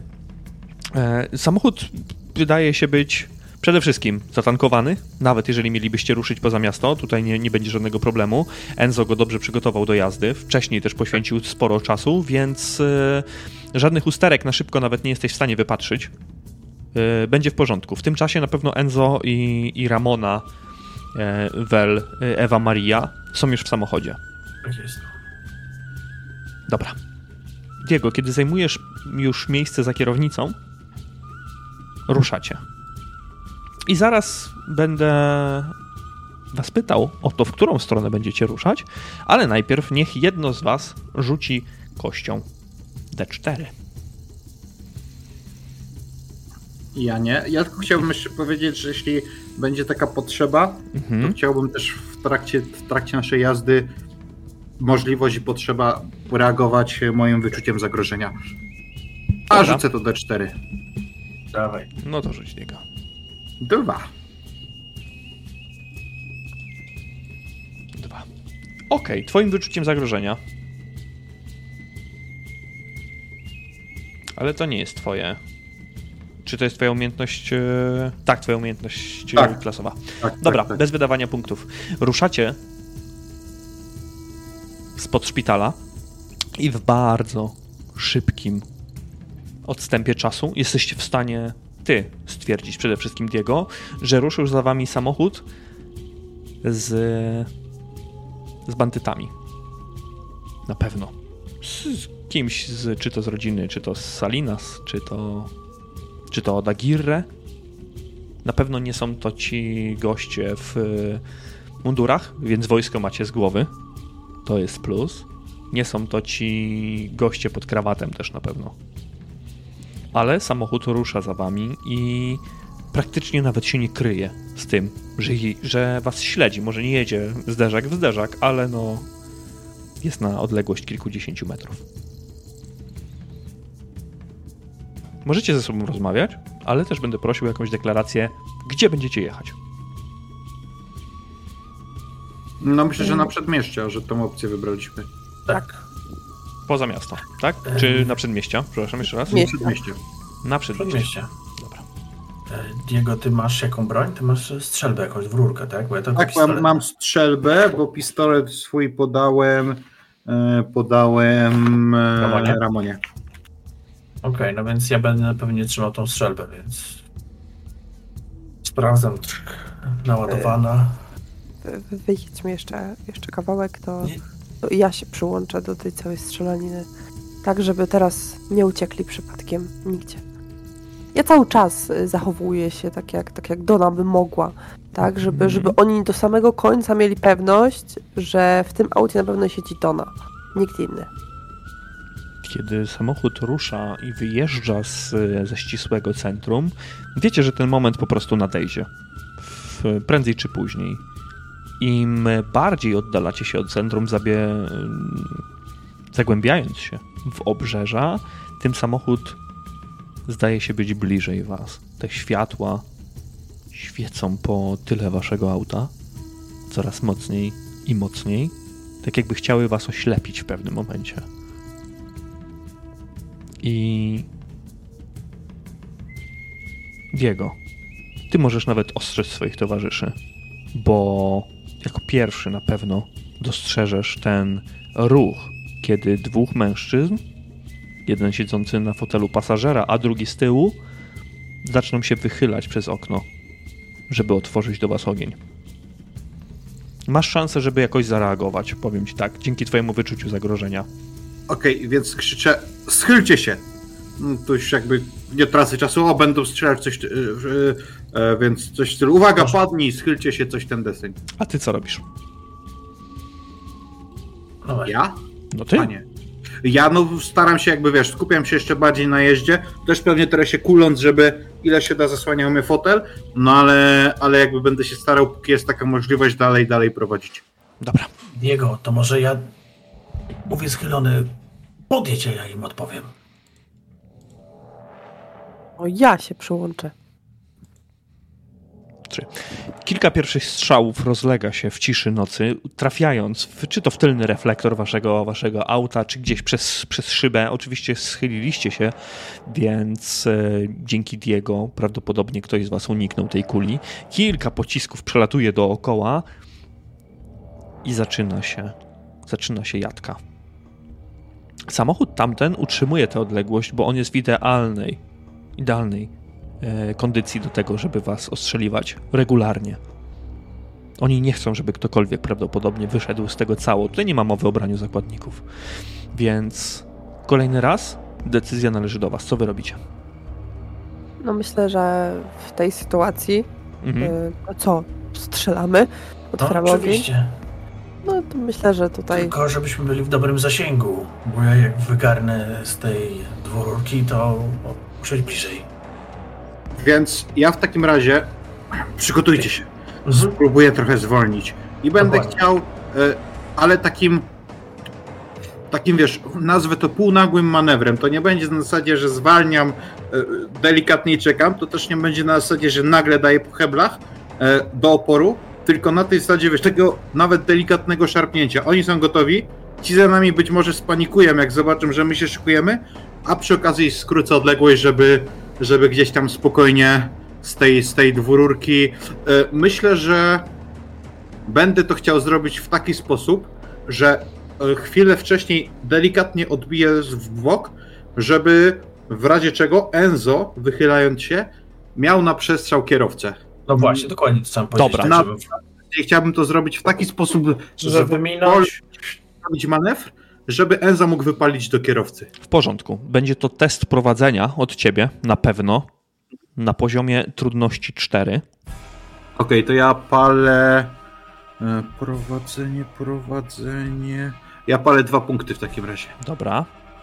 Albo inaczej, trzy nawet. Trzy punkty to- palisz. Dobra. Super. Ojej. Czy ci, którzy was gonią, może nie mają aż tak doświadczonego kierowcy, jakim, jakim jest Diego? Ponieważ ten manewr, który wydawał się być prosty w twoim wykonaniu, tak naprawdę do końca prosty nie jest, bo dużo tutaj ryzykowałeś, ale całkowicie e, zaskoczyliście ich i w pewnym momencie wasze samochody zrównują się. I Enzo, to jest najlepsza chwila do tego, żebyś, żebyś oddał strzał. Nie będziesz miał kar żadnych do tego. Proszę? Nie będziesz miał kar, w sensie oni nie będą mieli Okej. podwyższonego poziomu trafienia, nie? Mhm. No więc ja wystawiam tylko i w odpowiednim momencie z obu rur po prostu wypalam. Dobra. Jeszcze musicie mi powiedzieć, jak, wygląda, jak wyglądają obrażenia w, z, tej, z tej dwururki. Czy, czy tam coś jest? Mm, Jakiś modyfikator jest. masz, Robson, No zapisany? jest. Znaczy ja jestem tutaj nawet na stronie, e, znaczy na tym naszej figmie, to mam generalnie bez, za bezpośredni jest plus dwa, Mhm. a z dwóch rur jak strzelasz z, dwu, z dwururki to masz plus cztery, plus w sumie dwa dodatkowe, więc mam w sumie modyfikator plus cztery, jeżeli to jest Do bezpośredni. obrażeń. Dobra, super. Dobra, dawaj. To najpierw na trafienie. E, trzy. Poziom trudności jest trzy, prawda? Mm, Poczekaj, e, poczekaj, nie wiem czy to jest e, w zasięgu bezpośrednim. A, plus jeden do obrażeń, znaczy się strzela z obu, z obu lub boltówki, z tym do boltówki o kalibrze. E, Staje się bronią palną, poczekaj, zadaje plus 0, bo nie wiem czy to jest plus 4 do trafienia, Już patrzę. bo mi się wydaje, że to jest chyba do e, trafienia. Jeszcze o tutaj gdzie jestem w przypadku. W przypadku broni palnej tutaj kolejne plus dwa, dobra. E, A, a, obrażenia, że staje się bronią ciężką. E, O, za zasięgu bezpośrednim jest ciężka broń. tak, palna. plus Zasięg- cztery do obrażeń. Bo tu jest w przypadku broni palnej tutaj kolejne plus dwa, jeżeli zostanie ona wystrzelona w średnim zasięgu, czyli plus dwa do obrażeń. A do trafienia nie.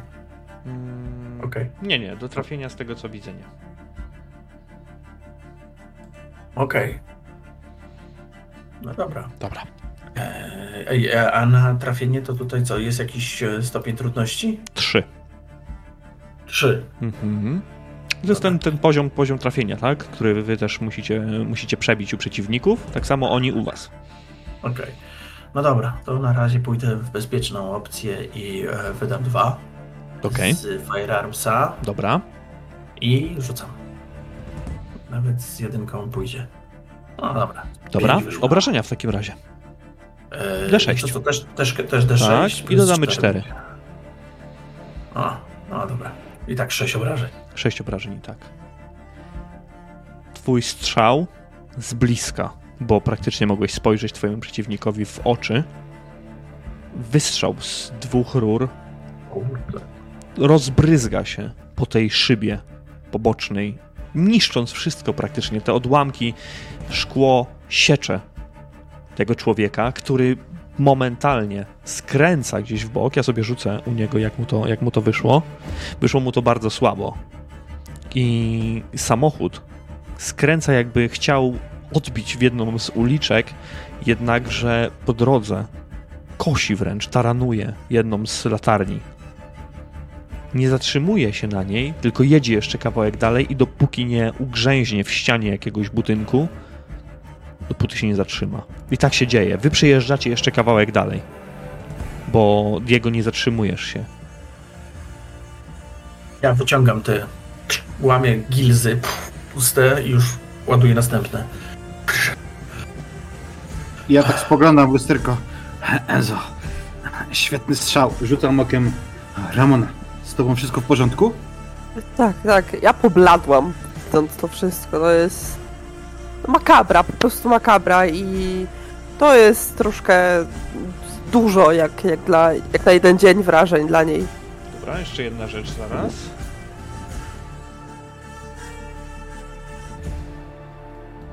To, bo, musimy ich topić? Nie możemy ich przecież zostawić. Będę was prosił wszystkich o wykonanie testu stabilności o poziomie trudności 4. Okej. A Czyli co, rzucamy po prostu kostką i coś możemy dodawać, tak czy nie? Możecie odejmować punkty ze stabilności swojej aktualnej, która będzie waszym modyfikatorem, ale pamiętajcie, że jeżeli wam nie wejdzie, to tracicie zarówno te punkty, które do, dodaliście do rzutu, jak i te, które ja wam powiem. Jaki, te, jaki poziom? 4. Cztery. Ho.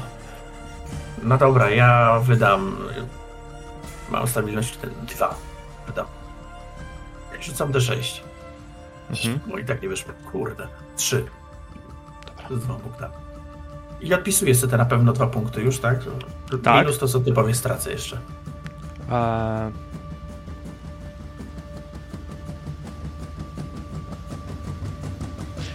Enzo i Ramona. Ramona, tracisz 3 punkty stabilności, Enzo tracisz jeszcze 5. W tym momencie. Znaczy jeszcze, jeszcze 5 i te Tak. dwa, co wydałem? Tak. Okej. Okej. O kurde. No spokojnie. Jeżeli nie macie poniżej zera, to nie ma żadnych negatywnych reperkusji. Ale po pierwsze, ktoś chciał was zastrzelić znowu. Ktoś chciał was zabić. Byliście świadkami wypadku i to dość poważnego tak naprawdę, bo oni skasowali latarnię i wbili się w jeden z budynków. A po drugie, po trzecie, może nawet e, Enzo, jesteś pewny, że zabiłeś tego człowieka i to z przyłożenia, z bliska. Zabijasz go po prostu. Tak ci się przynajmniej wydaje. On jeszcze skręcił, ale nie wiesz, czy skręcił własnymi siłami, czy wiesz, to było targnięcie jego ciała. Ale wy mkniecie dalej. Właśnie. Oni strzelali do nas, no. Na, na głos tak tłumaczę. Ja musiałem, musiałem, bo inaczej on by, oni by nas zabili. Ja musiałem, ja musiałem, I musiałem ja mówię- bronić. Mówię do niego, może nawet półkrzyczę, Enzo, albo my, albo oni. Uratowali nam wszystkim życie. Dobra robota. Poklepuję go po ramieniu. Natomiast y, jeśli z tym mknięciem, to też bym nie przesadzał. Jeśli widzę, że póki co przynajmniej nie zapowiada się, że mamy kogoś na ogonie. Nie co macie. prawda, no, sam, samochód mamy oznaczony tymi kulkami, ale właśnie nie mknę. Staram się dopasować do ruchu ulicznego, jeśli jakiś jest. Jeśli nie, to też staram się jechać powiedzmy przepisowo, żeby nie skupiać, no bo wiadomo, że o takiej późnej porze mknący samochód szybko zwróci na siebie uwagę, więc na ile to jest bezpieczne i nie, nie, nie będzie dla nas stanowiło większego zagrożenia ze względu na to, że jedziemy wolno, staram się jechać przepisowo, dostosować do ruchu, żeby, żeby się aż tak nie wyróżniać jeszcze ponad to, co, czym wyróżniają nas te, te kule, które rozbijały się o samochód. Powiedzcie mi, albo ty mi powiedz, Diego, gdzie będziesz chciał jechać? No myślę, że. Bo teraz tak, jeśli chodzi o te przedmieścia, czy my. Rozumiem, czy my dostaliśmy jakąś konkretną lokalizację, gdzie tam mamy jechać, czy po prostu było powiedziane przedmieścia? Wy mieliście sami decydować, co zrobicie. Po wszystkim, jeżeli będzie już w porządku i będziecie bezpieczni, mieliście się spotkać w willi, tej tymczasowej, Dona, Czasowej, tak. w dzielnicy Okej. Kojot.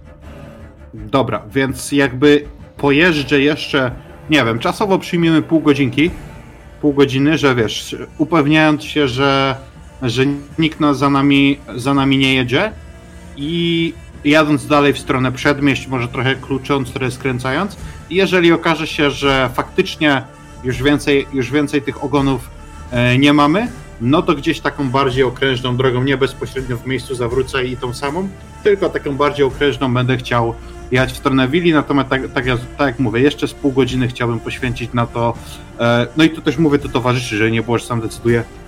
Słuchajcie, wygląda na to, że na ten moment pozbyliśmy się ogona. Hmm, Pojeżdżę jeszcze. Hmm, parę, parę dziesiąt minut. W stronę, w stronę przedmieści. Jeśli okaże się, że, że dalej, że dalej jest spokojnie, jestem trochę emocjonowany, więc, więc tak przerywanie mówię. To po prostu okrężną drogą zawrócimy do willi, wygląda na to, że, że wtedy nasza, nasza część zadania będzie, będzie, będzie wypełniona. I tutaj jeszcze żegnam się na szybko, jakąś szybką modlitwę do wszystkich świętych. E, zmawiam, ręka na kierownicę, skupienie i jadę dalej. Tak, tak, tak, tak, tak, tak. tak. Trzeba zobaczyć. Tak, trzeba wrócić, tak, trzeba wrócić. Enzo jest, jest, jest, jest, jest rozbity, ale kiwa, kiwa głową, tak. Dobrze mówisz, tak, tak, z rozsądku, tak, masz rację. Ja, ja widząc tą trochę jakby e, e, to takie wybicie Enza, tak spokojnym głosem Enzo, przeładuj trochę, e, proszę broń. Biorę po prostu, że tak powiem, sprawy w swoje ręce. E, I tak spoglądając w lusterko, nie obracając się, cały czas skupiłem na drodze tylko co okiem w lusterko, żeby rzucić okiem e, na, na Ramonę. Ramona, jak ty się trzymasz? Ja od Ramona odzywa się po pierwszy w ogóle o tej całej, całej tej sytuacji. Ja... Tak... y, Jak najszybciej udajmy się y, do, do, do willi, proszę. I ja ściskam cały czas tą bandamę, którą, którą dostałam od Javiera. Jakby, jakby to miał być mój amulet i on miałby mnie wybawić od, od, od, y, od złego. I uratować to przed już śmiercią i ponownym I- postrzałem. Wobec tego jeszcze e, próbując dodać trochę to moim towarzyszom e, otuchy, e, spoglądając na nich widząc, widząc, że po prostu ta sytuacja raczej e, e, nie najlepiej na nich, na nich e, wpłynęła, tak znowu rzut okiem w lusterko i spokojnym głosem Ramona, świetna robota. Cieszę się, że tak szybko się schowałaś, że razem z Enzo mogliśmy skupić się na naszych zadaniach. Świetny refleks. Rafael byłby, byłby z ciebie dumny. Spoglądając y, na Enzo, klepiąc go delikatnie e, w ramię. Enzo, cieszę się, że mam ciebie u boku. Cieszę się, że zachowałeś zimną krew. O, myślę, że e, że z takim z takim towarzystwem e, Weronika i Pepe mogą mogą, mogą być spokojni. Cieszę się, że, że mam was przy sobie. Z nikim innym nie chciałbym wypełniać tej misji. No i jadę dalej.